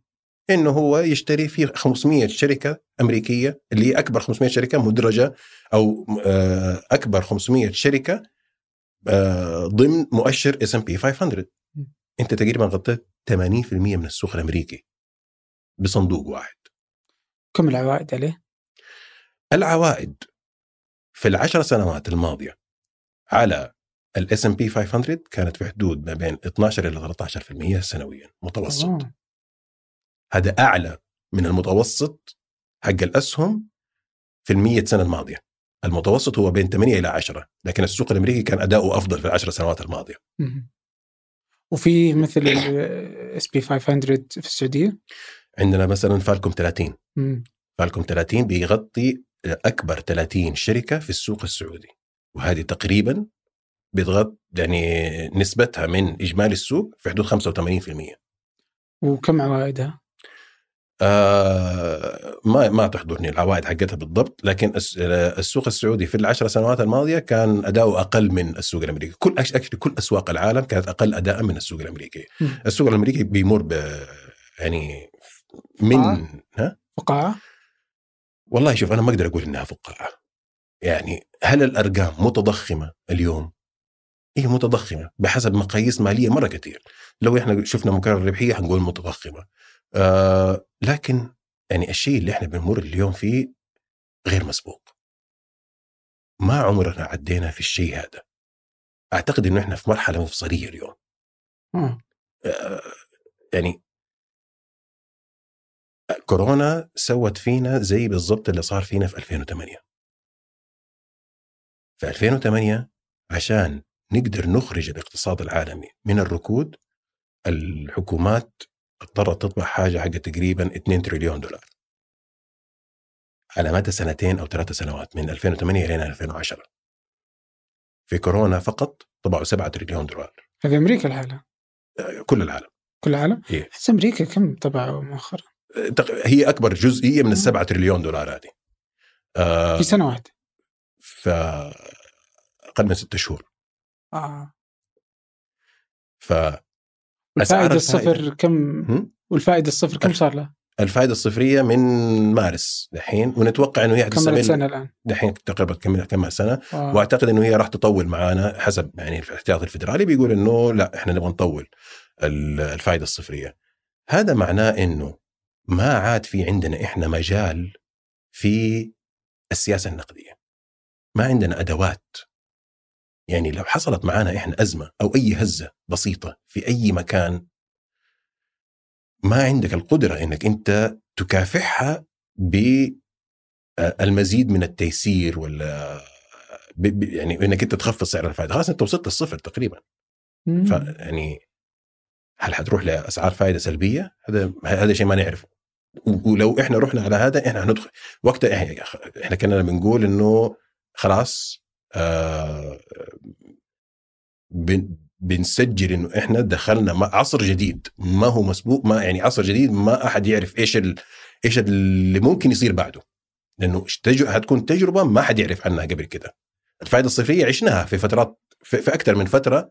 على مدى حياة يعني في ال- آه، تقريبا في ال 1930 وحتى قبلها في ال 1890 لكن فائده سلبية هذه عمرها ما صارت قبل كده. موجودة الحين في أوروبا لكن أنا بتكلم على مستوى العالم كله. ما قد صارت قبل كده. آه. ففي عندنا إحنا متغيرات كثير. ب... بتؤثر على الاقتصاد راح تشكل الاقتصاد عندنا في السنوات القادمة كورونا عجلت بها بشكل كبير. يعني في في نقطة يعني مع الفائدة الصفرية ومع طباعة الفلوس كان مفترض إنه يحصل تضخم لأن التضخم لم يحصل. فيعني بات الاقتصاديين إنه يعني أنا ما أدري لي إيش اللي يصير. كلهم كذا اللي مفترض إنه يحصل تضخم منطقيا بس ما حصل. ما هو شوف المقياس حق آه. التضخم اللي إحنا بنحسبه دائما بنحسبه على السلع والخدمات. لكن لو إحنا نظرنا له بنظرة أشمل شوية بإنه إحنا ضمينا إليه الأوراق المالية ولا الأسواق التضخم بيصير هناك أسعار الأسهم ارتفعت بشكل ما هو منطقي مقارنة بما قبل كورونا يعني تبغى تقول لي إنه شركة خسرت ثلاثة أرباع سنة من إنتاجيتها واليوم سعرها أعلى من سعرها قبل ما تخسر الثلاثة أرباع سنة هذه مم. غير منطقي ليش؟ لأنه عندك عدد محدود من الأصول بينما عندك عدد هائل من الفلوس اللي بتحاول تشتري هذه الأصول مم. إيش اللي حيصير؟ أنت عندك مخطط واحد مثلا وعندك ناس كثير بتزيد الفلوس معاهم إيش اللي حيصير في أسعار الأراضي في المخطط هذا؟ حترتفع. فهذا اللي بيصير اليوم في الأسواق. بس يعني العجيب إنه مثلا لما أحد يطبع فلوس يعني هذا اللي يصير هذا اللي ودى فنزويلا ولا يودي الدول الثانية إنه لما تطبع فلوس الأسعار فجأة خلاص يصبح ال- ال- الفلوس ما لها قيمة. طريقة الطباعة كانت مختلفة. آه، طريقة الطباعة امريكيه آه، أمريكية. آه شوف الم- الموضوع ده تقني شوية بس أوكي. الفكرة فيه إنه ما هي كانت طباعة بحيث إنه أنا بحط الفلوس في يد المستهلك. لأنه لو راحت لو وصلت الفلوس ليد المستهلك حيروح ويشتري. خلينا نرجع للنقطة دي بعد شوية. اللي حصل إنه زودوا شيء اسمه ال bank reserve اللي هي. الاحتياط احتياطيات البنوك. هذه الاحتياطيات لا يمكن إقراضها. فبالتالي ما دخلت في النظام المالي فما ساهمت إنه هي آه، يعني آه، في زيادة المعروض النقدي بحيث إنه هي تروح تشتري بها سلع وخدمات. بس مو بس مو هذا اللي حصل. هذا اللي حصل. يعني هم يوم طبعوا على ترامب حتى بايدن مهم. كانت الطباعة مباشرة في تحويل الأموال لل جزء منها جزء منها. يعني طبع تريل... آه، تو- آه، 2 تريليون و2 تريليون ما هو جزء منها اللي هي هذه هذه دعم جزء مباشر هذه كانت هذه سياسة نقدية هذه سياسة مالية مم. السياسة المالية اللي هي الصرف اللي يجي من الحكومة. آه لابد نفرق إحنا بين السياسة النقدية والسياسة المالية لما السياسة النقدية بتطبع إذا هي طبعت وزودت الفلوس في النظام المالي هذا ياثر على التضخم. لكن السياسة النقدية لما طبعت في المرة الأخيرة كانت زودت بس أرصدت احتياطيات البنوك. هذا الشيء ما ما أثر على التضخم. هل الاقتصاديين مقتنعين 100% إنه ما راح يأثر على التضخم؟ زي ما قلت انت قبل شوية. ترى ما في أحد عارف. مو هذه جزء من ال- ال- التخوفات اللي إحنا عايشين فيها اليوم. إنه العصر اللي إحنا فيه اللي عايشين فيه في عوامل كثير بتتحرك. في نفس الوقت آه ما تقدر يعني تعطي تكهنات واضحة بإيش؟ بكرة ممكن راح يكون. إيش مم. بكرة ممكن راح يصير بالضبط. ف الشيء الوحيد اللي نقدر نعرفه إنه الإنتاجية أو يعني مستوى الإنتاجية مو مستوى الإنتاج يعني يمكن هي ما أنا ما أعرف إيش التعريب الصحيح productivity okay. ال productivity مو مستوى الإنتاج نفسه أو اللي هو ال output الإنتاجية نفسها ال productivity بتطلع. بترتفع بشكل كبير. ليش؟ في عندنا تقنيات. آه، أعطيك مثلا على موضوع ال big data أو اللي هي البيانات الكبيرة. يقول لك رحلة واحدة من لندن إلى نيويورك بي- بيجمعوا فيها كمية بيانات أكبر مما أنتجه العالم من فجر البشرية إلين سنة 2008 أعتقد. واو. هذه رحلة واحدة فقط. عجيب شلون يتم هذا؟ كل حاجة بتصير في في الطيارة نفسها من الجو المحرك الناس اللي قاعدة الأوزان آه، أشياء استش... هذه كلها بيجمعوا أدق البيانات وعلى جزئية يعني مثلا زمان كانوا مو يقدر- يقدروا يجمعوها مثلا كل دقيقة ولا كل ثانية الحين صاروا يجمعوها على أجزاء الثانية وبيجمعوا آه، ثلاثة أربع عوامل مع بعض فهذا بيكبر حجم الداتا نفسها. آه، هذه بس يعني وا- واحدة من الأشياء البسيطة اللي أنا بس بقول إنه العالم بي- بيتغير بشكل كبير جدا في موضوع ال productivity هذا يرجعني لموضوع المحفظة بس المتنوعة المتوازنة. ليش أنا دائما أقول خليك مع السوق. لأنه نتاج كل العوامل هذه من زيادة في ال productivity هذا السوق راح يستوعبه. لما أنا أشتري في أكبر 500 شركة في السوق الأمريكي في الجزء المخصص من محفظتي للسوق الأمريكي هذا معناه أنه أنا بشتري الشركات اللي عندها إنتاجية عالية اللي هي بتستفيد من التقنيات. آه إذا في شركة سيئة وما بتصرف على الأبحاث والتطوير بشكل جيد. وبدأت تتراجع مثلا على سبيل المثال كودك. مم. حتخرج من المؤشر وحتيجي شركة أخرى مكانها. فبالتالي أنت لما بتستثمر في السوق كامل ما يهمك مين الشركة اللي حتكون موجودة. مم. أنت بتشت- بتشتري السوق. طيب متى أنا كمستثمر؟ أو يعني واحد أبغى استثمر أنا واحد صغير على قدي. متى أختار إني أنا أستثمر في آه، عن طريق مثلا زي تمرة ولا غيره إني أستثمر في أسواق؟ متى إني أستثمر في شركة أنا أبغاها؟ أنا بستثمر في أسواق. أنا ما أستثمر في شركات محددة. امم لأنه أنا أجد أنه هذه طريقة أسهل في التنويع. وأقل تكلفة علي. وبتعطيني أفضل عائد لمستوى المخاطر اللي أنا أستهدفه. أنا لا أرى أنه أنت المفروض تختار الأسهم الشخص اللي يبغى يختار الأسهم عشان يحقق عائد أعلى من عائد السوق أنت هذا السبب الوحيد اللي يخليك تختار الأسهم إنك تحقق عائد أعلى من عائد السوق. هو شخص محترف هذه وظيفته الوحيدة. لما واحد يجي يقول لي أنا أبغى أصير زي وارن بافيت، وارن بافيت دوامه من 8 ل 5 يحلل شركات وأسواق. إذا أنت هذا الشخص وهذه هي وظيفتك، هذا أكل عيشك ممكن تعمل كذا. عدا ذلك؟ عدا ذلك لا. أمشي مع السوق، الأفضل لك إنك تمشي مع السوق. المشكلة هي عندنا إنه لما أنا أقول لك أنا حاعطيك عائد السوق.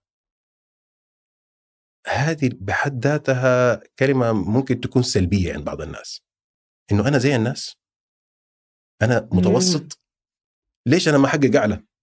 أنا أقدر أعمل 20 و30% السوق بس بيعمل 10% و8%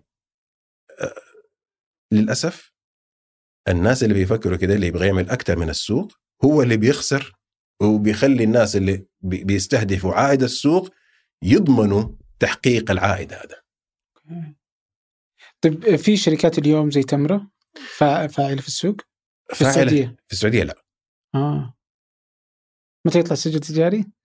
قريب إن شاء الله قريب إن شاء الله متى تتوقع أصلا إنها تصير موجودة؟ آه والله شوف أنا ما أقدر أدي موعد بس يعني أنا يعني بامل إنه إن شاء الله بعد الحج آه إن شاء الله قريب إن شاء الله طيب أنا اليوم لما أحط استثماراتي متى مفترض إني أطلعها؟ ما ولا تطلعها بس لا، أحط وأنسى الفلوس خلاص؟ إنت ما تطلعها ابدا ليش؟ لما أنت تستثمر في الأسهم ليش الحين إحنا دائما نقول إنه الأسهم مخاطرها عالية جدا؟ لأنه التذبذب فيها عالي جدا وواسع. لو حطيت استثماراتك أنت في الأسهم لمدة سنة واحدة أنت ممكن تعمل 60% أو ناقص 40% في هذه السنة. لكن هذا ال range اللي هو أقصى شيء وأقل شيء. فممكن إنك تخسر 40% أو إنك تربح 60% أو تربح 60% لكن في المتوسط هتعمل 8% إلى 10% كل ما زودت عدد السنين كل ما قلصت الفارق هذا ال- ال- ال range أو. المدى. بحيث إنك أنت لما توصل ل 25 سنة المدى كله على بعضه يصير بين 6% وبين و 15% حتى لو حدثت أزمات زي 2008 2006 بالضبط. أوكي. لأنه في سنة أنت حتخسر فيها 30 والسنة اللي بعدها تعمل 40 والسنة اللي بعدها تعمل 10 وهكذا. على المتوسط إحنا دائما بنقول دائما بنقول على المتوسط. على المتوسط حتعمل 10% من 8 إلى 10% سنويا. okay. فأنت لازم تبقى في السوق لأطول فترة ممكنة. أنت إيش تسوي لما تكون في السوق؟ كل ما تبدأ تقرب لمرحلة التقاعد بتخفض مستوى المخاطر حقتك. بمعنى المحفظة المتنوعة المتوازنة لابد يكون فيها آه، ثلاثة إلى أربع مكونات أساسية. أسهم صكوك وسندات سلع أو أصول بديلة هذه ممكن نجيها بعدين وعقار نوعا ما. ممكن يكون عقار ممكن لا. يعني يعتمد على حجم على حجم المحفظة.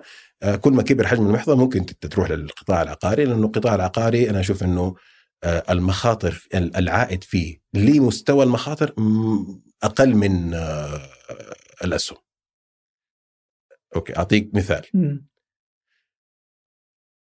نفس المثال عالي جدا يعني خصوصا في الرياض بس. أوكي إي لا لا لا, لا أنا ما بخت شوف كل ما ارتفع العائد كل ما معناه إنه المخاطر مرتفعة. مخاطر غير مرتفعة.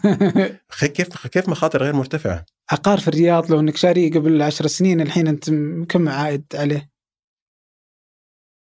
ضخم جدا. ضخم جدا. أعلى من أي نسبة ممكن تعطيني إياها في السوق السعودي حتى. ليس بالضرورة. عقار إيش okay إيش نوعية العقار هذه؟ أي عقار. أحس إنك في الرياض لو عندك حجره لو أنت بتتكلم على أراضي خام إيه. آه، أقول لك ممكن. لكن لو بتتكلم على عقار مدر للدخل في منطقة مطورة already في المدينة في, في, في أي منطقة في الرياض العليا ما ارتفعت زي آه، طريق الملك سلمان. مم. لما انت بتروح على طريق الملك سلمان وبتشتري هناك انت بتشتري في مخططات يمكن هذا المخطط يمشي حاله يمكن لا. لو مثلا هيئة تطوير الرياض جات وغيرت الخطة حقتها وقالت لا إحنا نبغى نتمدد في الشرق بدل ما نتمدد في الشمال. هذا هذا هذه جزء من المخاطر اللي انت بتتعرض لها. يعني بس ما مدى إن هذا يحصل آه، غير وارد. بالضرورة يعني. م- ممكن يعني شوف. م... لكن فقصدي المخاطر مو بعاليه مرة زي السوق اللي أنا ماني عارف أصلا إيش يصير. إحنا قلنا أنا أشوف مشاريع قدامي. ما إحنا قلنا قبل شوية إنه مم. المخاطر في السوق أقل لو أنت نوعت بشكل كبير على كل الأسواق. فهذه النقطة اللي أنا حاجي فيها في موضوع العقار. خلينا بعيد عن موضوع الأراضي الخام. ممتاز. لأنه أنا أصلا ما أشوف إنه هذه هي استثمار أصلا بح... بح... أصلا هي ما هي استثمار؟ لأن ما, ما هي استثمار. الأراضي الخام زي زي الذهب والبيتكوين. هذه أشياء أنت بتشتريها عشان تبيعها بسعر أعلى. لو حصل زي ما بيحصل اليوم وجو قالوا على المنطقة هذه أوقف البيع والشراء فيها. إيش حتسوي؟ آه ما تسوي شيء. خلاص.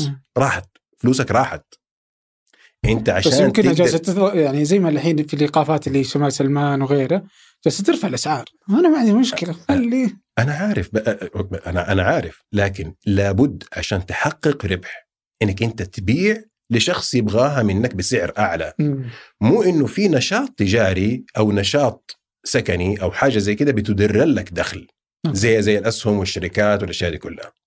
آه واضح. ف طيب أنا الحين ودي أرجع النقطه كذا بسحب كوره الحين أنا واحد أبغى أستثمر. فأنت تقول أن الأسهم يجب أنك تستثمر في أسهم في أسواق متعددة وفي قطاعات متعددة ويمديك تدخل عن طريق أنك تدخل في أماكن معينة مثل الصناديق وغيرها. أوكي هذا واضح. الآن هذا يختلف عن الادخار يعني اللي لما أنا أروح أفتح حساب ادخار وأطلبه إنه يعطيني عليه عائد مباشر اللي هو البنك. متى أدخل في الأسهم ومتى أخلي أقول كذا اللي أنا الراجحي معلوم خلينا نستخدم المثال اني أقول راجحي يلا خلاص أبغى هذه فلوسي بحطها في حساب الادخار أبغاك ترجع عليها فائدة. حلال. كل ما تختار هذا ما تختار هذا. كل شخص له هدف معين. آه بفرض إنه أنت عندك 50 مليون ريال. وأنت مصاريفك نوعا ما محدودة. هل لو جيتني قلت لي أنا أدخل بها في سوق الأسهم عشان أبغى أطلع من منها مصروف شهري ولا شيء زي كده آه، بحيث إنه أنا ما يفوتني الربح اللي في السوق حقول لك لا أنت روح وديها في مكان المخاطر حقته محدودة جدا بحيث إنك أنت تضمن العائد اللي أنت تبغاه. لو أنت مثلا كل اللي تحتاجه 2% من ال 50 مليون ريال هذه مثلا. ليش تغامر في سوق يديك 10% ممكن يعطيك 40 ممكن ينزل ست ممكن يديك ممكن يديك 60 ممكن ينزل آه، شو اسمه هذا 40 مم. فلكل شخص ولكل آه، هدف استثماري القناة الاستثمارية المناسبة. هذه نقطة. في ناس تقدر تتحمل مخاطر في ناس ما تقدر. بالإضافة لكده لابد إنه كل شخص يكون عنده محفظة طوارئ. أنت عشان أوكي. هذه آه المستوى الأول في الأولويات المالية إنه أنت يكون عندك دخل ثابت. ممتاز. هذا وظيفة. راتب أي شيء. مم. وظيفة عمل تجاري عمل تجاري أنت بتقوم به مثلا اللي هو أنت قائم على العمل نفسه. هذا اللي هو مصدر مصدر رزقك الشهري أو اليومي أو السنوي ايا كان. هذا الدخل الثابت. فالمستوى اللي بعده إنه يكون عندك محفظه طوارئ اللي هي مصاريف 6 إلى 12 شهر. لما تعبي الصندوق هذا صندوق الطوارئ تروح وقتها للمحفظة اللي أعلى من كده اللي هي المحفظة اللي تستهدف فيها التقاعد. ليش الفكرة هذه؟ لو فقدت مصدر الدخل عشان لا تمد يدك أنت على المحفظة حقت التقاعد عندك صندوق الطوارئ اللي يمشيك لمدة 6 شهور 12 شهر مثلا على حسب مستوى المخاطر اللي عندك أنت في اللي هو الدخل. مثلا لو أنت قلت لي أنت عندك وظيفة حكومية أقول لك 6 شهور تكفيك. لكن لو قلت لي عندك آه، أنت متعاقد ما تعرف ممكن آه تنفصل من الوظيفة بكرة وتجلس فترة طويلة لين تحصل وظيفة أخرى. وقتها أقول لك لا تحتاج 12 شهر. مم. طيب هذه فصندوق الطوارئ تستثمره في شيء منخفض المخاطر جدا جدا جدا. بحيث إنك أنت وقت ما تحتاجه تقدر تروح له. بس متى تحتاجه؟ إنك تفقد الدخل أو آه مثلا آه، يعني حالة طارئة جدا. مرض عضال بيؤثر على دخلك حاجة زي كده يعني فقط. بس اللي يقول لك أنا مثلا الحين أنا عندي راتب ولو انفصلت في ساند بيعطيني ست شهور. ساند حيعطيك كم؟ ست شهور راتبك. نفس ستة شهور 4500 الحد الاعلى حد على 4500 بس؟ إيه. إيه ده أنت راتبك 10000 حتاخذ 4500 لمدة ستة ما شهور يعطيني نفس الراتب؟ لا. interesting okay طيب فأنت مفترض هذا الصندوق صندوق الطوارئ هو حساب ادخار أنا أحط فلوس فيه ولا شيء؟ بالضبط حطه في آه. حساب لا- تجلسها في الحساب الجاري حرام آه. مو حرام يعني يعني يعني- فرصة ضائعة مال عاطل إيه حطه في حساب ادخاري الحساب الادخاري at least حيعطيك عائد على عادة ما هو 2%. بسبب إنه إحنا اليوم في عالم الفائدة فيه صارت صفرية في أمريكا تقريبا الحساب هذا صار ما بيعطي ولا شيء يعني ما بيعطي شيء عا- شيء آه، يعني يسوى. يسوى مم. لكن مهما كان آه أنت أولى بيها طيب كم مفترض اني أحط فيها؟ آه اليوم تقريبا بيعطي نص في المية سنويا. مرة قليل. طيب بس أنا إذا عندي راتب متوسط 12000 يعني كيف أعبي الصندوق هذا؟ مصاريفك. مم. يعني okay. أول شيء لابد إنه إحنا ما نطالع بس في الراتب أنت لازم تطالع في الدخل السنوي كامل. مم. لأنه أنت مثلا عندك راتب ممكن يجيك أنت في عندك بونص آخر السنة. فهدول فهذا كله دخلك السنوي. فلو دخلك السنوي تقريبا مية ألف ريال.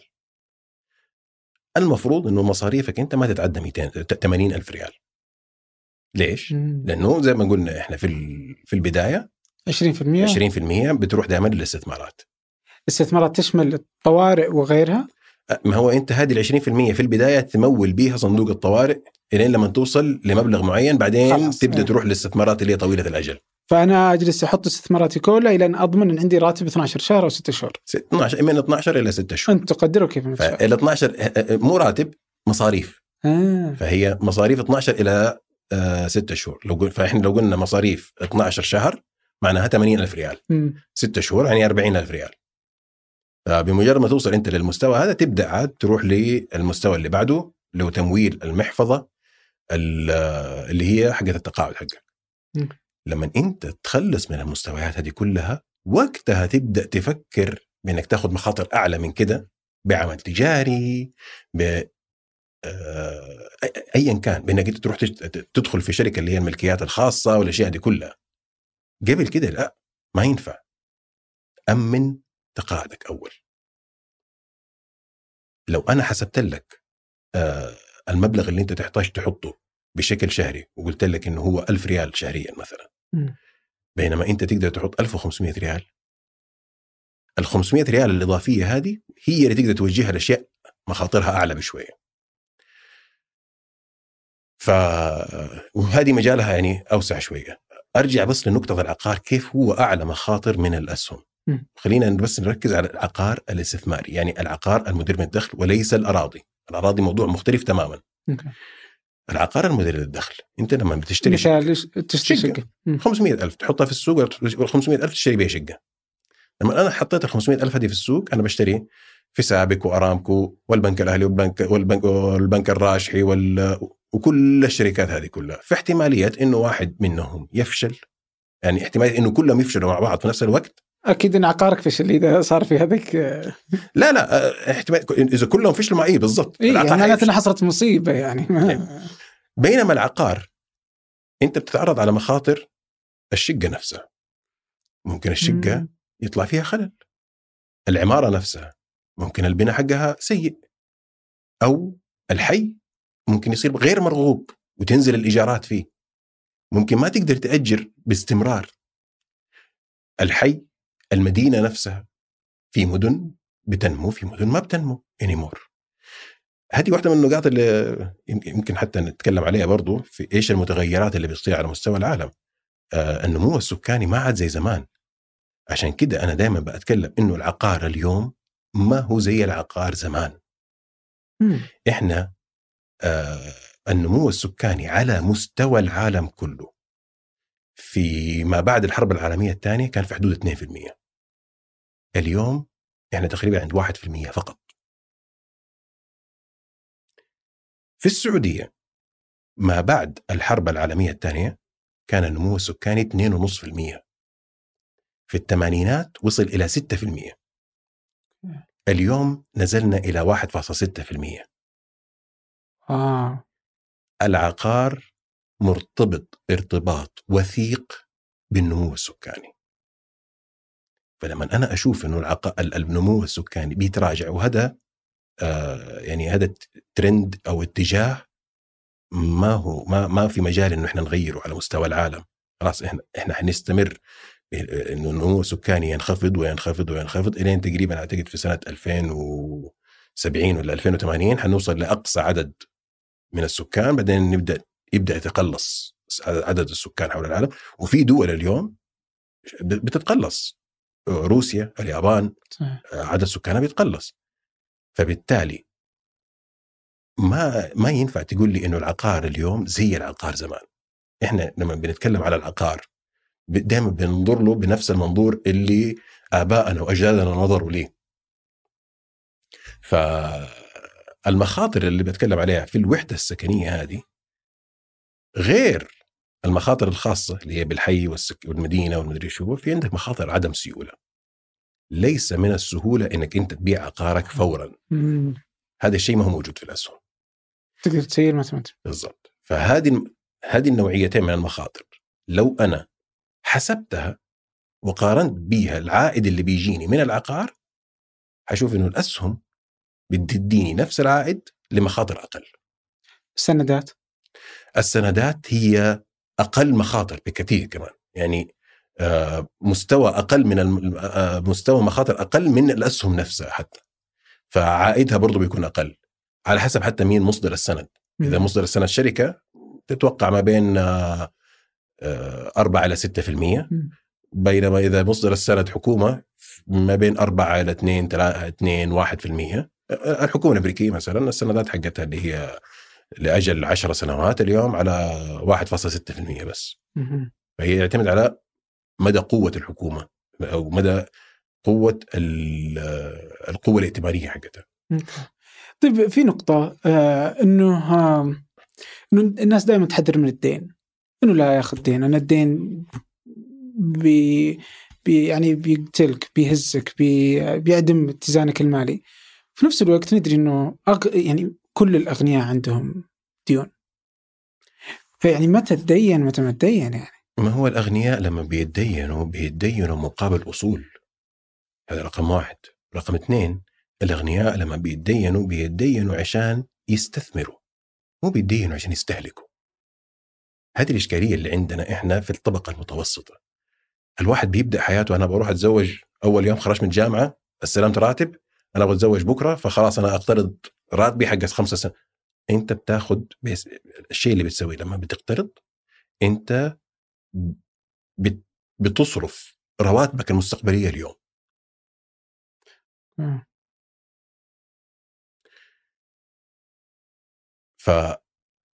فدخولك في الديون مبكرا مضر جدا. إذا العملية استهلاكية الأفضل لك إنك أنت تنتظر. أجمع لها من الراتب حقك. استهلاكية وش وش تقصد فيها؟ حاجة حتنصرف وما حترجع لك. يعني ما راح سيارة استهلاكي؟ السيارة. ضرورة. سيارة ضرورة. هي لا. عادي. اي لا لا لا لا شوف لا بس في فرق. مم. لما أنا أجي أقول آه، الحين إحنا قسمنا موضوع بند الأساسيات والكماليات مم. والجزء للاستثمار. إيش السيارة اللي أنا أقدر أستخدمها وتوصلني من البيت للعمل وت- وتؤدي الغرض؟ بفرض إنه هذه السيارة مثلا آه، إكس من السيارات. قسطها في الشهر ألف ريال. لا لا بس أنا ما أحب السيارة هذه. أنا أبغى السيارة اللي أنا نفسي فيها من زمان. أنا أبغى بورش أنا أبغى بي إم ولا أي حاجة زي كذا القسط حق البي إم 3000 4000 ريال. الفرق بين الاثنين دول 3000 ولا ال- ال- والألف هذه هذا يروح من بند الكماليات مم. يصير كأنك صارف الحين 3000 مم. في الكماليات آه، حتاخذ واحد منها ألف في مم. الأساسيات أيوة. والباقي من الكماليات؟ آه. فأنت كده بتزنق على نفسك أنك أنت مثلا ما تقدر تسافر لأنه الكماليات حقتك خلصت أنت ما تقدر تطلع تأكل برا كتير لأنه الكماليات حقتك خلصت ما تقدر تقول إنه البي إم هذه أساسيات لا okay فعشان كده صحيح انت تقدر تقترض لأنه هذا البند أصلا أنت بتصرف تقريبا في حدود 10% من دخلك على المواصلات. ممكن تاخذه كقرض. هذا ما بشوفه إحنا ما يعني ما نشوفه. هذا شيء منتج لأنه هو اللي بيوديك للشغل بيرجعك منه يعني شيء أساسي في حياتك. لكن اقترض عشان أسافر اقترض عشان زواج اقترض على شيء ليش الزواج أساسي بعد؟ بس هذه فلوس ما راح ترجع لك تاني. يعني ما راح يدرر لك دخل ابدا. بينما السيارة حتوصلني العمل والعمل يجيب لي فلوس. مم. وأنتم الاقتصاديين تشوفون كل شيء فلوس تتحرك كذا ما تدخل فلوس. يا المشيها المشيها طيب الحياة يا سيدي. ما هو الحياة بقول لك عيش حياتك. رتب نفسك. أجمع فلوسك أنت اليوم عشان تقدر تتزوج. ما أنا ما بقول لك لا تتزوج ابدا. يا سيدي من استطاع منكم الباءة فليتزوج. الباءة إيش هي؟ إنك أنت تقدر تقوم بال بال بال. باعباء البيت هذه. مم. وإذا ما وإذا ما استطعت آه، فاصبر. okay فعندنا السيارة هذا أساسي. وش في شيء ثاني؟ مثلا منزل؟ مواصلات أكل منزل اللي هو سكن آه، ملابس آه، وأي فواتير. مم. كهرب وغيره لكن برضو نوازن. يعني مثلا آه، في جزئية كبيرة ترى من الفواتير اللي إحنا بندفعها اليوم ب... لو سألت أي أحد اليوم أنت كم بتدفع شهريا كفواتير؟ ما راح يعرف بالضبط كم. إيه لا ما أعرف أنا آه عندك اشتراك نتفلكس عندك اشتراك في جوجل عندك قصدي في يوتيوب وعندك اشتراك في تقريبا أعتقد كان في إحصائية برضه في أمريكا إنه الناس ب they underestimate إنه بي... بي... بي... بيكون الفرق في حدود ال 130 دولار شهريا. بين اللي هم بيعتقدوا إن هم بيدفعوه وبين اللي هم بيدفعوه حقيقه. منطقي. يعني صدق إني ما أعرف كم الاشتراكات اللي أنا أدفعها. فواحدة من الوسائل المهمة إنك أنت تراقب المصاريف بشكل وثيق. مم. بس اكتب مصاريفك. في العلاج السلوكي العلاج النفسي السلوكي واحدة من الوسائل اللي يستخدموها هي الكتابة. ليه؟ لأنه لما أنت بتفكر في مشكلة بتستخدم مناطق معينة في الدماغ. بينما لما بتكتب تستخدم مناطق أخرى. فبيساعدك إنك أنت تاخذ منظور آخر. مع إنه أنت نفس الشخص أنت ما رحت لأي أحد أنت مجرد بس بتكتب. بس بتعطي لنفسك منظور جديد لمجرد إنك أنت كتبت المشكلة اللي أنت كنت بتفكر فيها لك أسبوع فكتابة المصاريف بشكل مستمر هذا الشيء راح يساعدك على ضبطها. أنا عارف إنه هي عملية مرة صعبة لكن أنا أنا ما بطلب إنك أنت تسويها لفترة مرة طويلة ثلاثة شهور كافية ليه ثلاث شهور كم؟ في أول شهر حتنصدم ثاني شهر تبدأ ترتب نفسك وتكون ويكون الوضع مرة صعب. ثالث شهر حتبدا تضبط الموضوع. مم. طيب. ودي اعرف متى يكون إني أنا أدفع إيجار ولا إني أشتري الشقة اللي أنا فيها؟ إذا أي- افترضنا إني أنا باخذ بيت العمر. أنت ما بتاخذ بيت العمر. خلاص. تاخذ بيت على. قدك.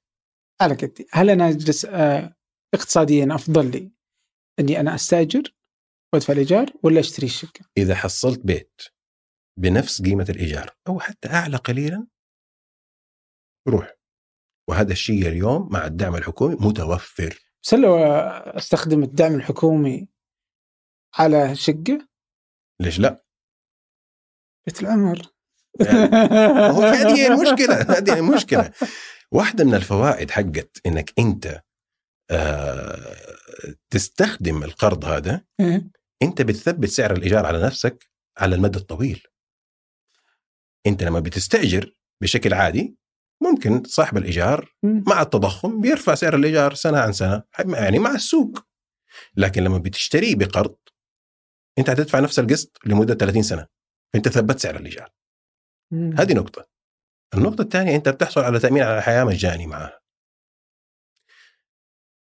كل القروض العقارية اللي موجوده عندنا هنا اللي تقدمها البنوك السعودية بيكون فيها بند اللي هو إعفاء الورثة آه. فأنت أخذت فعشان كده بقول إنه لو حصلت حتى لو بأعلى قليلا أنت بتحصل على منتج اللي هو التامين على الحياة بالإضافة إلى تثبيت السعر فهذا شيء مناسب وقتها أعلى قليلا طبعا مو إنه الإيجار حقي خمسين ألف وأنا أروح أخذ آه، بيت اقساطه 60 70 ألف مم. لا يعني شيء شيء منطقي شيء مناسب.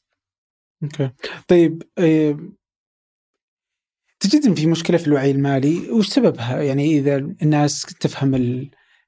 كذا الحرية المالية المفاهيم المالية الأدوات المالية لقياس كيف أنا ممكن أتحرك. يعني صدق وأنت تتكلم معي في أشياء آه، أوكي. يعني إني ما أعرف عن يعني جزء كبير منها هو عدم تدريس الأشياء هذه بشكل أو عدم تدريس المواضيع, المواضيع الاقتصادية هذه بشكل مبكر جدا في المدارس. آه، كلنا بندرس فيزياء وكيمياء وأحياء ولغة وأشياء زي كذا. ترى هذه واحدة من الأشياء الأساسية اللي إحنا نحتاجها. و برضه يعني إلى جانب ك- إلى جانب الموضوع هذا أنا أشوف مع التغيرات اللي بتصير عندنا إحنا في العالم لابد إنه البرمجة تكون جزء لا يتجزأ. يعني إحنا نحتاج يمكن هذه واحدة من الأشياء ال- آه، الأكثر تاخرا عندنا إحنا في موضوع اللحاق بالتطور اللي بيصير في العالم جزئية التعليم. ومو بس عندنا يعني هذا على مستوى العالم كله.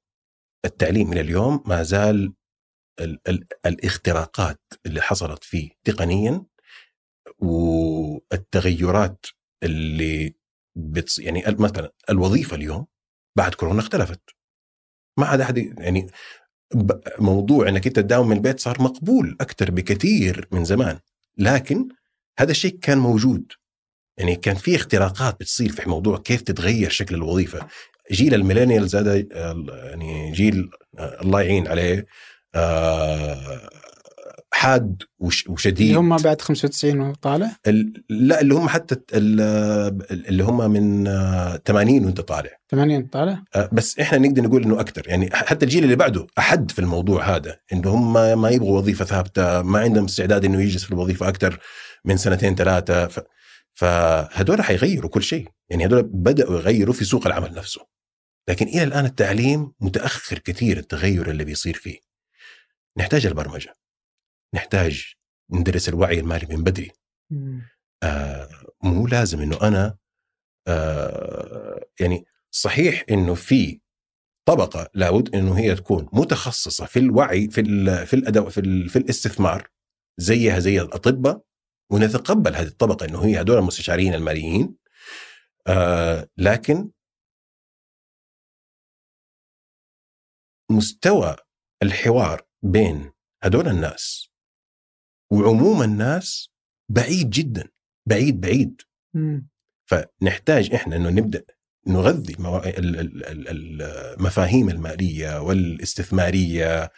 وكيف موضوع إنه الاستهلاكية آه، مستواها عالي جدا عندنا. آه، عشان حتى يكون الشخص واعي لكل قراراته المالية يكون فاهم. يعني مثلا في موضوع الاستهلاكية دائما أقول آه، آه، أي أحد يبغى يشتري أي شيء غالي قارنه بعدد ساعات عملك أنت شخص تبغى تشتري آه، شنطة ولا لبس جديد ولا قيمته آيفون. أي آيفون قيمته 4000 ريال وأنت راتبك 10000 ريال مم. هذا معناه أنت كم ساعة تحتاج تشتغل عشان تجيب ال 10000 ريال هذه أنت بتشتغل أربع- 40 ساعة أسبوعيا يعني 160 ساعة شهريا فعشان أنت تجيب الجوال هذا أبو 5000 ريال تحتاج تشتغل 80 ساعة هل قيمة الجوال هذه تسوى 80 ساعة من وقتك؟ مم. ف موضوع الاستهلاكية بشكل عام كل شركة في العالم هدفها إنه هي تبيع. وأي خطاب في الدنيا بيطلع من الشركة سواء كان مباشر أو غير مباشر هدفه إنك أنت تكون عميل للشركة هذه. فهم بسبب الموارد اللي موجودة عندهم عندهم قدرة على استهدافك بشكل عالي عالي عالي جدا. يعني بيدخلوا ل أعماق الدماغ عشان يحفزوا أشياء عشان أنت تنتبه ليها عشان يحفزوك على الاستهلاك. فهذا الشيء رفع النزعة الاستهلاكية عندنا بشكل كبير. الشيء الوحيد اللي يخلينا نقدر نضبط الوعي الشيء هذا هو الوعي. فعشان كده لابد إنه الوعي يكون يدرس ويتم التدريب عليه حتى من مراحل مبكرة جدا. وفوق هذا كله يعني في أزمة محتوى عربي. يعني أتصور إذا أنت تجيد الإنجليزية فعلى الأقل تقدر تصل إلى محتوى من هنا وهناك. بالإنجليزي اللي يقدر يعطيه يعني يعطيك زيادة في الوعي في هذه المجالات. بس ذا ما أنت في العربي يعني بتصير أزمة. لا تشكيلي أبكي لك. اي والله. يعني أنا تعب أنا هذا أكثر شيء تعبان فيه يعني. مشكلة والله. ف... مم. ما طيب مع اللي جالس يصير الحين؟ يعني أنت شايف شايف الوضع. أنت تكلمت عن مثلا كذا بعض الأشياء اللي في القطاع ال- التقني كيف جالس يغزو العالم يغير المفاهيم. في عندنا بيانات الضخمه في عندنا الذكاء الاصطناعي في عندنا اليوم عندنا مثلا آه، التعليم كيف أصلا بيتغير شكله. فيه آه، هذه تدعو إلى إنه في شكل جديد من أشكال البطالة اللي ممكن تزداد. آه، اليوم عندنا الدول الإسكندنافية وهذه لحالها لانها خارج هذا الكوكب. جالسه تجرب يعني في تجارب ما إذا أنا أعطي اللي هو نسميه الضمان الاجتماعي 2.0 اللي هو اليونيفرسال بيسك انكم فهم جالسين يحاولون ماذا لو نعطي المواطنين فلوس تضمن لهم حياة كريمة بدون ما يشتغلون.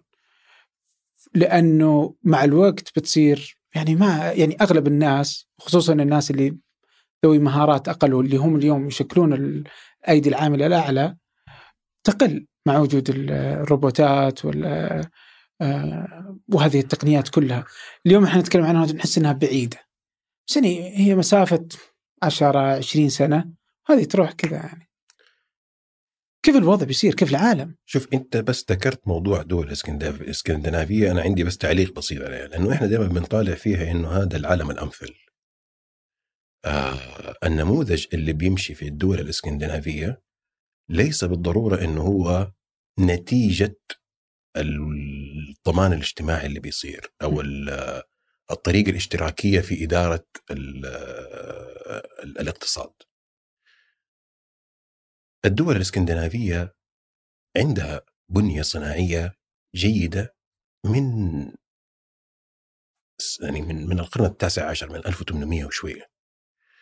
فبالتالي إن أنا آخذ آخر 30 سنة وأقول أنا هم نجحوا بسبب تطبيقهم لهذه الأنظمة الاشتراكية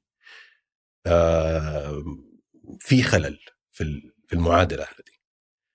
بالعكس النظام الرأسمالي هو اللي وداهم لهناك. بعدين لما هم شافوا إنه ما عاد في عندهم عندهم موارد زيادة عن اللزوم نقدر إحنا الحين نسويها بطريقة أخرى مع إنه أنا ما أشوف إنه في كفاءة عالية في الطريقة هذه في طريقة إدارة الموارد بالشكل هذا. ولذلك حتشوف برضو في نفس الوقت إنه الإنتاجية هناك أقل بكثير من الإنتاجية في أمريكا. ما حنشوف شركات آه الشركات ال unicorn أو ممكن يكون في واحدة ولا اثنين مثلا نوكيا طلعت من هناك. في عندنا نوكيا في عندنا سكايب في عندنا سبوتيفاي لكن كلها يعني. كعدد كنسبة وتناسب ما زالت آه محدودة. ما حتشوف أنت عندك هناك ابتكار عالي لأنه لما أنا بعمل النظام هذا هذا بيحد من الابتكار. اختلف شوي؟ النظام الرأسمالي الحر جدا هو اللي بيولد الابتكار. مم. بس أصلا مفهو... هذا المفهوم اليوم هو حديث داخل منظومة الراسماليه الأمريكية اللي هو ما إذا كان يعني هذه فكرة ال ال نظام إيش إيش ممكن نسميه؟ ال universal basic income شوف ال universal basic income يعني هذه مسألة يعني في حديث حولها. في شوف في حديث مارك زكربرج رئيس فيسبوك يتكلم فيها. تدور أحيانا أحاديث داخل الحكومة الأمريكية ما إذا كانوا يحتاجون إنهم يسوون شغلات زي كذا. ومن فترة لفترة يعني يعني شوف. فهي تطبق في, في الدول الإسكندنافية. تطبق بعض الحركات الحين في مثلا إستونيا كذا جالسة تسوي حركات جديدة في هذه المفاهيم. بس آه شوف okay. ال universal basic income اللي هو راتب لأي شخص. الفكرة ما هي جديدة وبتناقش لفترة مرة طويلة. اللي دحين بيتبناها في أمريكا هو اليسار. من ناحية من منظور اجتماعي من منظور ضمان وما إلى ذلك. آه لكن أنا أشوف أصلا حتى حاجتنا إحنا لموضوع اليونيفرسال بيسك انكم مو سببه إنه إحنا نبغى نعمل عدالة اجتماعية ولا توزيع ولا مساواة. لا لأنه حيصير في عندنا إحنا بطالة هيكلية. هذه البطالة الهيكليه ما لها حل. فأنا أشوفها من منظور أخلاقي وليس من منظور اقتصادي آه في ناس راح تفقد وظائفها وما راح يكون عندها القدرة لشغل أي وظيفة بسبب إنه ما عندها المهارات الكافية لإنه هي ترجع لسوق العمل مرة أخرى. هذه أعداد ضخمة. وهذه مع اللي بيصير إحنا عندنا في حكاية الذكاء الاصطناعي والروبوتات راح تزيد سنة عن سنة. مم.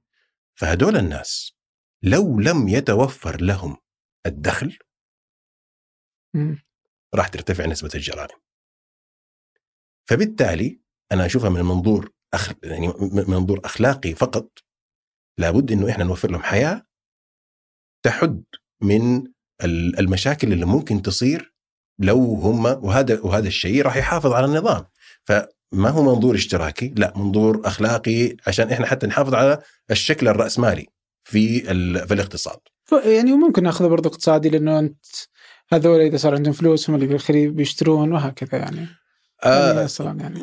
وأمني وكمان يعني هي أكثر من حاجة مع بعض. بالضبط. طيب في أنت ذكرت نقطة يعني قبل كانت إنه النظام الاقتصادي اليوم بدأ يدخل مكان جديد لم يسبق إنه دخله. هذه هذه اللي هي كذا اللي هي مفاهيم جديدة. مثلا الصفرية الفائدة الصفرية تطول فيها ال- ال- ال- الفلوس اللي تطبع. يعني كذا في أشياء جالسة تحصل. هل هذه اليوم ممكن يعني وفي في هذا النظام اللي الناس تعرفه اللي هو فيه الحكومات تتدخل وتتحكم بشكل كبير فيه ولد نظام مشابه في الطرف الآخر اللي هي العملات الرقمية اللي ما تعتمد على المركزية ولا مركزية وخلافة. هل ممكن هذا يوصل إلى مرحلة من اللافهم واللاوعي والحركات اللي ما حد يفهمها ويدخل في مكان إلى أن يضرب في جدار؟ ومن ثم يكون هذا هو البديل؟ اللي هو موضوع أشير في يدي للناس اللي تسمع الصوت اللي هو النظام ال- هو شوف موضوع إنه يضرب في جدار هذا الاحتمال قائم وبيزيد مع الوقت. في بديل جيد. لا ما في بديل جيد. خلينا نرجع نعيد الصورة مره نعيد الصورة مرة ثانية. طيب. أبغى أتكلم بس شوية عن الجدار طيب. اللي حاصل اليوم إنه إحنا واصلين إلى آخر مرحلة في مراحل ال- النظام المالي اللي إحنا عايشين فيه لما ما يعود في عندنا إحنا آه، مجال في السياسة النقدية إنه إحنا نناور إنه مثلا تخفيض أسعار الفائدة آه، تحفيز الاقتصاد عن طريق طباعة المزيد من الفلوس.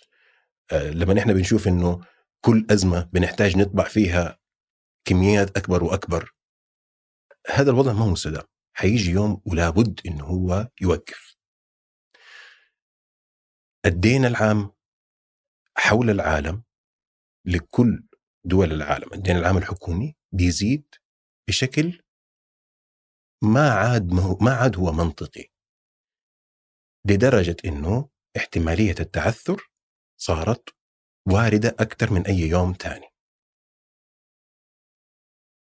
فهذا بيقول لنا إنه إحنا النظام المالي اللي هو مبني على ال fiat currency أو العملة المعومة، العملة اللي هي ما لها أي غطاء.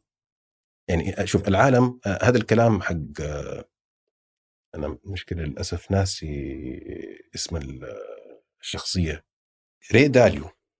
هذا واحد من أكبر مدراء ال hedge funds في أمريكا. آه بيقول إنه إحنا العالم مر في ثلاثة مراحل من النظام المالي، أول شيء كان النظام المالي المبني على الذهب والفضة. بعد كده صار في نظام مالي آخر اللي هو مبني على عملات مدعومة بالذهب والفضة. هذا وسع كمية الفلوس في الاقتصاد، وسع كمية الائتمان.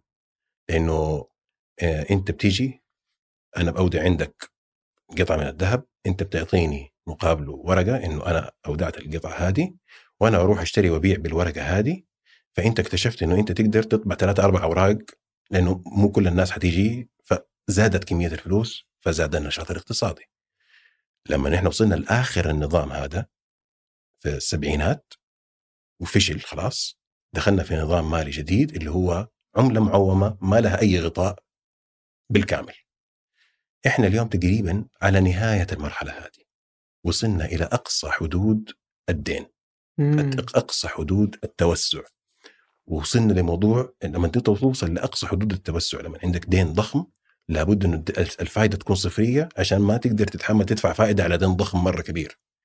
فبمجرد ما أنت يصير عندك خلل أو عدم ثقة بسيطة في النظام مجرد ما يصير ما أعرف إيش إيش إيش إيش, الشيء اللي ممكن يصير بس لو ناس بس قالوا لا لا لا إحنا شايفين إنه الوضع خطر ما راح نقدر ما راح نقرض الحكومة هذه فبتبدأ ترتفع أسعار الفائدة شوية حتصير التكلفة جدا عالية حيبدأ النظام يتآكل. فهل هذا الشيء بيصير؟ هذا المرحلة يعني حسب ما ري داليو بيقول إنه أشبه بمرحلة الثلاثينيات في أمريكا اللي هو آه. ال Great Depression اللي هو الكساد العظيم. ففي محفزات كتير لإنه هذا الشيء يصير. منها إنه إحنا العالم يشيخ. نسبة عدد السكان اللي هم آه، أكبر من 65 سنة من إجمالي عدد سكان العالم بعد الحرب العالمية الثانية كانت 5% اليوم 10% صحيح إنه الإنتاجية بتزيد لكن الإنتاجية بتزيد بسبب التقنية وليس بسبب اليد العاملة. وهذا إشكالية أساسية كمان إنه بتعمل ممكن تعمل لي بطالة هيكلية. فكل العوامل هذه مع بعض بتنبئ إنه ممكن يصير عندي أنا خلل مرة كبير وتصير عندي لو حصلت أزمة مالية جديدة في الديون الحكومية هذه قد تكون يعني مرحلة زي تقدر تقول مرحلة بريتن وودز إنه حترجع الدول مرة أخرى تبدأ تتفق مرة أخرى كيف النظام المالي. يبدأوا يشكلوا نظام مالي عالمي جديد لكن حتى نصل إحنا لنظام مالي عالمي جديد حيكون في سنتين ثلاثة أربعة من عدم الاستقرار بشكل كبير ولذلك دائما ما أنصح أنا إنه يكون عندك جزء من محفظتك المتنوعة المتوازنة في الأصول البديلة اللي هي أصول خارج النظام المالي هذا. آه. إيش الأصول البديلة المتوفرة عندنا إحنا اليوم؟ الذهب. هذا أهم أصل بديل. هذا نظام مالي لوحده. وإحنا شفنا في ك- أزمة كورونا واحدة من الأشياء اللي حصلت كل الأصول انخفضت. أسهم سندات عقار. ما عدا الذهب هو الوحيد اللي كان ارتفع. ما زلنا إحنا في أزمة لكن شهية المخاطر عندنا بدأت ترتفع. فصرنا بندور على أصل بديل لكن مخاطره مرتفعة. مم. لذلك شفنا بدأ أسعار الذهب تنزل بينما أسعار البيتكوين تطلع. اللي حاصل اليوم إنه في عندنا موجة عارمة من الشعبوية الاستثمارية. الناس تبغى تخرج من النظام. ما عند يعني تبغى بتدور على أي شيء لا مركزي بسبب بدأت يعني هي موضوع فقدان الثقة في ال- الحكومة والدين العام الحكومي بدأت تنتشر بسبب أزمة كورونا والطباعة اللي حصلت، صحيح إنه هي ما أثرت على التضخم لكن موضوع الثقة بدا بدأ يتأثر، صحيح. وهذه اللامركزيه إنه لما يجيني واحد زي إيلون ماسك وأبل وباي بال وكلهم يقولوا إنه إحنا نتبنى البيتكوين. وأمازون. اما أمازون جديدة. ده أنا عارف الثلاثه دول. فلما قالوا هذول كلهم إنه إحنا نتبنى ال- البيتكوين. هذا اللي دفع أسعار البيتكوين إنه هي تطلع. مم. لا مركزية البيتكوين بتجعلها جاذبة لهذول الناس اللي هم عندهم نزعة نزعة عدم ثقة. هل معاهم حق إنه في خلل في النظام المالي العالمي وإنه هو ممكن يفشل اليوم؟ لا لا. ما يعني إحنا ما بنتكلم على اليوم ولا بكرة إحنا بنتكلم على ال 10 15 سنة. ما زال في مجال إنه النظام المالي العالمي يشيل نفسه بأدوات كثير. إنفاق عالمي. إنفاق حكومي عالي وهذا الشيء اللي بيصير اليوم. حزم تريليونية بتصير واحدة ورا الثانية. بعد ما خلصنا حز... آه بعد ما خلصوا حزمة ال... آه، الإنقاذ الثانية لكورونا دحين الحكومة الأمريكية بتتكلم عن the new green deal اللي هو 2.2.5 تريليون لتحديث البنية التحتية. فهذه واحدة من أيوه هذه واحدة من الوسائل اللي هي تمد في عمر النظام. يعني ما بقي عندهم وسائل غير كده. أصرف أصرف أصرف أصرف. هل هو مستدام؟ غير مستدام مم. فهذه هي الفكرة الأساسية ليش طيب. الثقة بدأت تنحصر؟ بسبب إنه كلنا عارفين إنه غير مستدام لكن متى ما حد يقدر يعرف واليوم في قوة يعني اللي هي عند الشباب alright فالشباب هذول هم اللي جالسين يصنعون هذه التغيرات كلها اللي هي من خلال التقنية نفسها يعني لما نتكلم شباب لما نتكلم عن إنه فيسبوك والتغير هذا في التواصل حول العالم تم بايدي التقنية. فاليوم عندنا التقنية جالسة تسوي هذا الش- مويه مويه بالله صالح. آه فعندنا قهوة. لا خلاص يعني فعندنا هذا التغير اللي جالس يصير يخلي المسألة آه صعبة. يعني شوف شلون قدروا إنهم يلعبوا في آه GameStop قدروا يلعبوا في السوق المالي علشان يثبتوا إنه سهل إني ألعب فيه. أوكي. وقدروا انهم يعني واضح إن النظام يعني مهترئ وبدأ يعني لا شوف أنا هذه أختلف. بعدين أخذوا هذا النظام اللي ما في أحد عنده مركزية، عندنا النظام اللي نقدر نبنيه اللي إحنا كلنا نثق فيه، بعدين جالس يكبر واضح إن فيه فيه في لحظة هذه بدايات، الناس تشوفها وتطنشها على إنها مب- بحاصله بس كل ما لا تكبر، كل ما لا. الداخلين لها أكثر. هي بداية مهمة جدا. GameStop ترى أنا أعتقد إنه هي واحدة من النقاط المفصلية اللي إحنا مرينا فيها ما أحد كان يتوقع ابدا إنه في مجموعة من المستثمرين الأفراد الصغار. يكون لهم قدرة على التأثير بالشكل هذا لكن يعني النظام لعبوا في السوق لعب. أيوه. لا هم لعبوا في السوق لعبوا لكن هل النظام مهترئ؟ لا النظام قدر يوقفهم عند حدهم إلى حد ما يعني قدروا راحوا رجعوا لعبوا على سوق ثاني فالفكرة كيف إنه هذول يقدروا يجتمعوا يقدروا يسووا هذا الشيء. يقدروا يجتمعوا قدروا يتفقوا أنا أبغى بيتكوين أنت تبغى بيتكوين خلاص إحنا نستخدمه. فانت تتذكر 2008 اللي كانت. يعني كانوا يشتروا فيها بيتزا. الحين الحين يعني لاحظ يعني وش تتكلم عنها اليوم؟ تقدر تشتري تسلا سيارة فيها.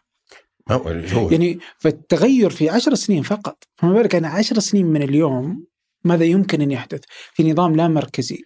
في نظام جالس يعني ينافس نظام جديد شوف كا- كاثي وود تقول إحنا عندنا خمسة آه تقنيات أساسية راح تشكل شكل ال- ال- العالم كله.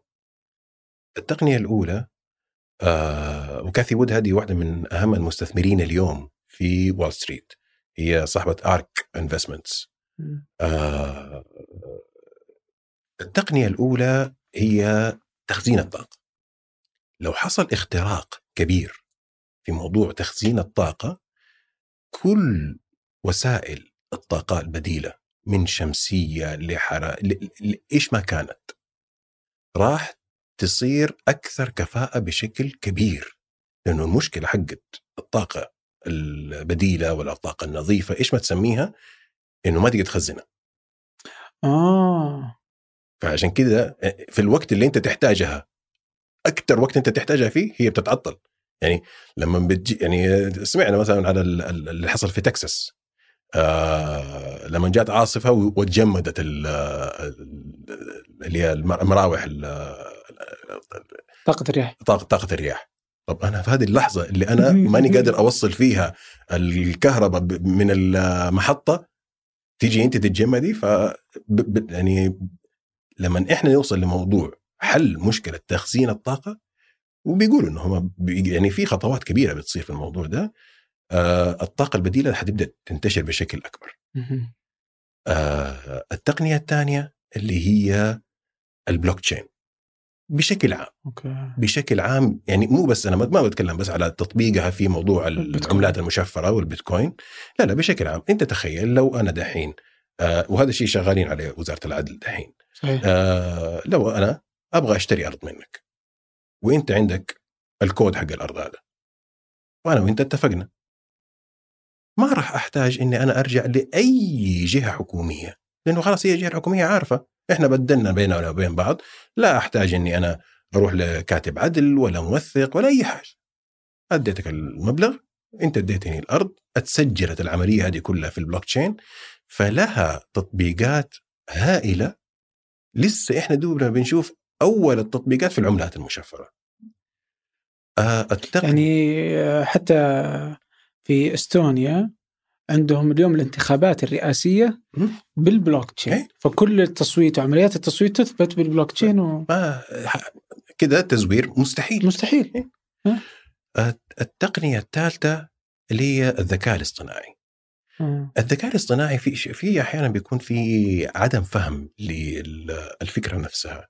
الذكاء الاصطناعي الحين ببساطة شديدة إحنا متعودين على الكمبيوتر زي ما هو اليوم اللي هو أنا بعطي الكمبيوتر مجموعة تعليمات آه، أنا ببني برنامج معين بحيث إنه أنا لما أدي أمر للكمبيوتر بيعطيني مخرج. فخلاص أنا اديت له إيش هي الطريقة اللي عالج بيها المدخلات. الذكاء الصناعي هو بس اللي بيقول لك إنه أنا ما بعطي له إيش هي بقول له خذ هذه مدخلات وهذه هي المخرجات. اكتب لي إيش البرنامج اللي يديني المخرجات هذه. ففتح لنا باب جديد من آه، مع البيانات الضخمة إنه كيف إحنا نقدر نستفيد من أشياء مرة كثيرة.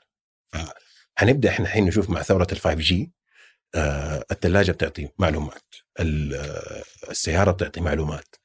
حياتك في كل لحظة أنت ماشي فيها في كل مكان في كمية معلومات هائلة والذكاء الاصطناعي بيقدر يختزل. كانت هذه مشكلة يعني البيانات الضخمة؟ مشكلتها إنه أنت ما تقدر تتعامل مع كمية البيانات هذه. الذكاء الاصطناعي حيقدر يتعامل معاها ويعطيك حاجة مفيدة تقدر تستفيد منها أنت. بدل ما أنا بصرف وقت طويل عشان أعرف أو بسويها عن طريق التجربة والخطأ عشان أعرف أنا مين الزبون المفروض ان أروح له لا أنا أقدر أعرفه عن طريق الذكاء الاصطناعي لما بيقرأ آه، مجموعة من العوامل اللي أنا ما كنت منتبه لها حتى وبيروح يقرأها كلها مرة واحدة لوحده. هذا الذكاء الاصطناعي آه، الروبوتكس. الروبوتات اليوم بتنتشر يعني أنا ما بنتكلم على الروبوتات اللي إحنا بنشوفها في الأفلام وإنه الروبوت اللي في البيت ولا الأشياء هذه لا في المصانع خصوصا. آه الطاقة الإنتاجية للمصانع الأمريكية ارتفعت للضعف من 1980 إلى 2010 بينما القوة العاملة انخفضت بالربع آه. وهذه المسألة جالسة تمشي برضو بعلاقة طردية إنه كل ما الهاد تزداد عملية الإنتاج والاعتماد على هذه كل ما الآلة بتصير أذكى وأذكى مع الذكاء الاصطناعي بيصير عملية آه، دخول الروبوتات في التصنيع أسهل وأسهل. فدحين إحنا لسه والاعتمادية على الأيدي العاملة تقل أكثر وأكثر. إحنا الحين لسه دوبنا في موضوع الروبوتات. لسه والروبوتكس ما هي فقط حكاية إنه الروبوت اللي أنت بتشوفه لا ترى برنامج الكمبيوتر اللي بيقوم بعملية أتمتة لعملية أنت دائما بتسويها. على سبيل المثال مراجعة العقود. أنا آجي وأقعد أقرأ العقد وأشوف. بينما أنا أقدر أعمل برنامج يسوي مراجعة العقد هذه برمج وبفهمه كيف يسويها. فأنا بالطريقة هذه اتمت العملية. هذا البرنامج هو روبوت.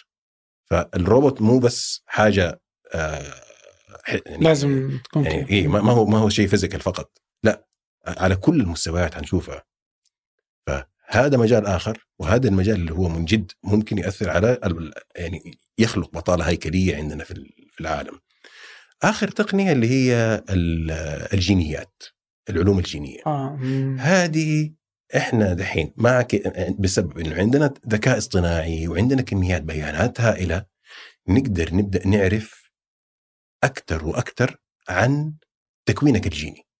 ونقدر نبدأ نحدد لكل شخص إيش الجين اللي مسبب المرض هذا ونعمل له الدواء الخاص به هو أو حتى نغير الجين ده. كل التقنيات هذه موجودة بدأ يعني بدأت بدأت ما بتكلم على 10 سنين لا في حكاية تعديل الجينات اليوم موجودة. موجودة وطبقت في كم مثال. فهذا راح يؤثر إنه هو راح يحسن ويخفض من تك... يحسن جودة الحياة. يمد في الأعمار أكثر وراح يخفض من تكاليف شو اسمه هذا العلاج. العلاج والأشياء دي. ف إحنا على أعتاب عالم مختلف تماما ما يعني هو أشبه ما يكون بالعالم ما قبل الثورة الصناعية وما بعد الثورة الصناعية على طول. إذا ما كان أكبر. إذا ما كان أكبر. يعني مو طبيعي خصوصا جينات الحالة هذه يا الله. إيه؟ يعني كذا اللي أنت تستطيع اليوم إنك تصمم شكل طفلك. مها أفكاره طريق يعني ابغاه بطول معين يعني تقدر تسوي أشياء. هم شوف هم واصلين للمرحلة هذه. إيه. و- يعني وإحنا ما نتكلم عن شيء بيصير. هذا اليوم قادرين يسوونه بس الله إنه ممنوع. ما هو يعني أنا أتمنى إنه حكاية المنع هذه لأنه هذه مشكلة أخلاقية. يعني إحنا بن- الحين بندخل من جد في معضلة أخلاقية. هل أنت تبدأ تع- تعدل الجينات عشان تنتج آه، آه، نسل أعلى ذكاء؟ يعني فين حنوصل في الموضوع ده؟ فعلا. فين فين الحدود؟ مين يقدر يرسم الحدود هذه؟ فأتمنى إنه ال- المقاومة للموضوع ده تستمر يعني قد ما قد ما نقدر ما أعرف قديش حتستمر يعني. آه الذكاء الاصطناعي نرجع له مرة ثانية بس. واحدة من التطبيقات حقت الذكاء الاصطناعي في ناس كثير تقول لك اللقاح حق كورونا هذا. آه كان ظهر بسرعة وعشان كده أنا ما أثق فيه. ترى ظهر بسرعة بسبب الذكاء الاصطناعي بسبب إنه إحنا قدرنا نعمل آه نفس العمليات اللي إحنا نحتاج نعملها من تحاليل واختبارات وإحصائيات لكن بشكل أسرع بكثير عن طريق إنه الآلة اتعلمت. وأنتجت لنا برامج تقدر تعالج البيانات هذه بشكل سريع جدا وتنتج لنا حلول بشكل مخيف. بشكل مخيف. يعني يعني التجارب اللي الحين جالس يسوونها جوجل وغيرها تثبت يعني إنه الذكاء الاصطناعي ما في واحدة من التجارب اللي كانت آه، يعني مخيفة شوية اللي هي كانت آه، bots اثنين two bots عملوهم فيسبوك طوروا لغة. عندهم ذكاء اصطناعي عالي طوروا لغة بينهم ف واللغة هذه هم ما هم قادرين يعني واضح كان للمراقبين إنه الاثنين بيتخاطبوا مع بعض لكن هم ما هم قادرين يفهموا كيف بيتخاطبوا مع بعض آه. اللي صنعوهم ما عارفين آه. لأنه طريقة عمل الذكاء الاصطناعي إنه هو اللي يعلم نفسه بنفسه فأنت ما أنت عارف الكود هذا كيف بينكتب. فهذه المتغيرات كلها مع بعض لابد إنه يكون عندك أنت تحوط اتجاهها. والله احس انك تقعد ما عندك تسوي ولا شيء. يعني تقول يلا السلام السلام. أنا شوف لا، أنا قصدي استثماريا لابد إنه يكون عندك جزء للأصول أوه. اي هذه هذه أكيد. يا. آه غير كده أحسن شيء تسويه يعني أحسن شيء آخر تسويه إنك تتعلم البرمجة. فضروري يعني خصوصا للجيل الجاي. حاولت؟ أنا حاولت لكن و... ومشيت شوية في الموضوع. Python ولا إيش؟ آه لا أنا والله أنا بدأت شوية Python. بس ما كملت ما يعني للأسف ما لحقت. آه لكن آه في الجامعة بدأت يعني درست شوية C plus آه okay. آه كرهتها لا لا بالعكس حبيتها لأنه هي كلها تعتمد على منطق. يعني هي هي عبارة عن عن منطق بسيط. فإذا أنت ضبطت المنطق هذا آه كل الأمور تمشي. يعني حتى لو كان المنطق حق اللغة هذه صعب شوف لك لغة منطقها أسهل. واللغات دحين بتصير أبسط وأبسط. صحيح. آه أنا للأسف اليوم ما عندي الوقت إني أنا أروح أسوي الشيء هذا. يعني آه نترك الموضوع ده للشباب إن شاء الله الجيل اللي جاي يعني. إن شاء الله. رغم إنه يعني في م- مايكل آه، بلومبرج وهو الحين شيبه بس إنه يعني قبل كم سنة كان يقول إني بدأت الآن أتعلم برمجة. ترى الموضوع ما يعني هو عمره ظهر 50 اي 60. لا لا الموضوع ترى بسيط خصوصا. يعني خصوصا Python آه، إذا أنت مهتم بعالم ال- وال Swift بعد حقت Apple يعني في لغات كثيرة جالسة تصير أبسط إنك تقدر تفهمها و- بالضبط،. يعني. آه. و إذا مهتم بعالم المال والأعمال والإحصاء والأشياء هذه ال Python مرة جيدة. وما تاخذ منك أكثر من سنتين عشان أنت توصل لمستوى جيد جدا في في تتعلمها ببلاش يوتيوب ولا تدخل على أي من المقا... المواقع Coursera غيرها يعني يمديك فهو بالضبط. رواق أي شيء. أنا هذه واحدة من الأشياء اللي دائما أقول عليها. يوتيوب صار منصة تعليمية جيدة. يعني نقلة لا تسأل مختلفة. قبل لا تسأل أي سؤال بس أبحث في يوتيوب أبحث في جوجل. حتلاقي حتلاقي إجابات كثير. لما تحتار بين الأجوبة وقتها اتجه لخبير. مم. لكن لما آه يعني الأسئلة البسيطة كل شيء موجود في يوتيوب. من جد. ما أنا لما أنا أشوف مصطلح جديد علي أنا أروح أبحث عنه في يوتيوب و- okay أفهم. يعني مثلا آه، قبل فترة كان في موضوع إنه ال SWIFT code حيغيروه حيسووا نظام جديد. ب- فكان شيء غريب علي مع إنه أنا في ال- بشتغل في, في البنك. بس دخلت شفت ال... حطيت ال SWIFT code الجديد وشفت أوه لقيت كذا محاضرة عن الموضوع ده والحمد لله مشاني ب- كان بسيط جدا. كيف كان ممكن قبل 20 سنة؟ غير ممكن. ما هذه مو مو مو, يعني كذا شوف كذا تمر. أنا نقول إنه هذه اللي أحس إن إحنا ما إحنا قادرين نستوعبها يعني Google Maps الحياة قبله وبعده مختلفة. يعني أنت متخيل وهذا دوبه جاء ترى. يعني Google Maps Google سوته 2009 بدأ يصير للناس 2013 يعني يصير متاح. يعني فاهم إيش 2013 يعني قريب مرة. الآن ما حد يقدر يعيش بدونه. بالضبط إيه. يعني يعني كذا بسرعة. صار عبارة عن امتداد لحواسك لا يمكن تعيش بدونه إيه. كل تطبيقات التوصيل اللي أنت اليوم تستخدمها لا يمكن أن تستخدم بدون Google Maps بالضبط إيه. يعني كذا Uber Careem هذه كل ما وهذا كله ما كان ممكن يكون لولا ال iPhone فيعني طالع إنها. ال iPhone 2007 يعني 13 سنة بس وهذا بي... وهذا إحنا لسه بنقول إنه إحنا لسه دوبنا في بدايات يلا قلنا بسم الله فتحنا إيه. كذا إيه. يعني هذا كان كل كل الأشياء هذه كانت بتصير يعني كل التطور اللي إحنا كنا نتكلم عليه كان بيصير وإحنا لسه ما بدأنا في موضوع البيانات الضخمة ولا الذكاء الاصطناعي فلك أن تتخيل إيش الشيء اللي إحنا ممكن حنمر عليه عشان كده بقول إنه آه إحنا في اليوم من جد في مرحلة مفصلية حتستمر عشر سنوات. ما هي ما هي يعني والحمد لله يعني إحنا يعني في عندنا ترتيب للموضوع ده. يعني من 2020 ل 2030 ترى فترة مهمة جدا وجزء منها كان موضوع إنه الرؤية تكون للتاريخ هذا. حتى فبنرتب للموضوع ده وان شاء الله يعني نكون ماشيين مع التغيير هذا بإذن الله. بإذن الله. وأنا مع التغيير هذا إني لازم أوقف الحلقة.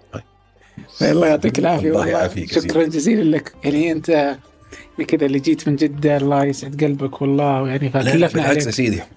آه، فرصة سعيدة و وما باركت للناس رمضان. أعتقد دي أول حلقة تسجلها في رمضان؟ لا والله ثاني حلقة وأنا نسيت. كل مرة أقول أنا أبغى أبارك للناس وأنسى. بس يعني مشكلة. بس عبد الرحمن الحين جالس ينتظرنا. لازم نروح نسحر. أوكي. صح؟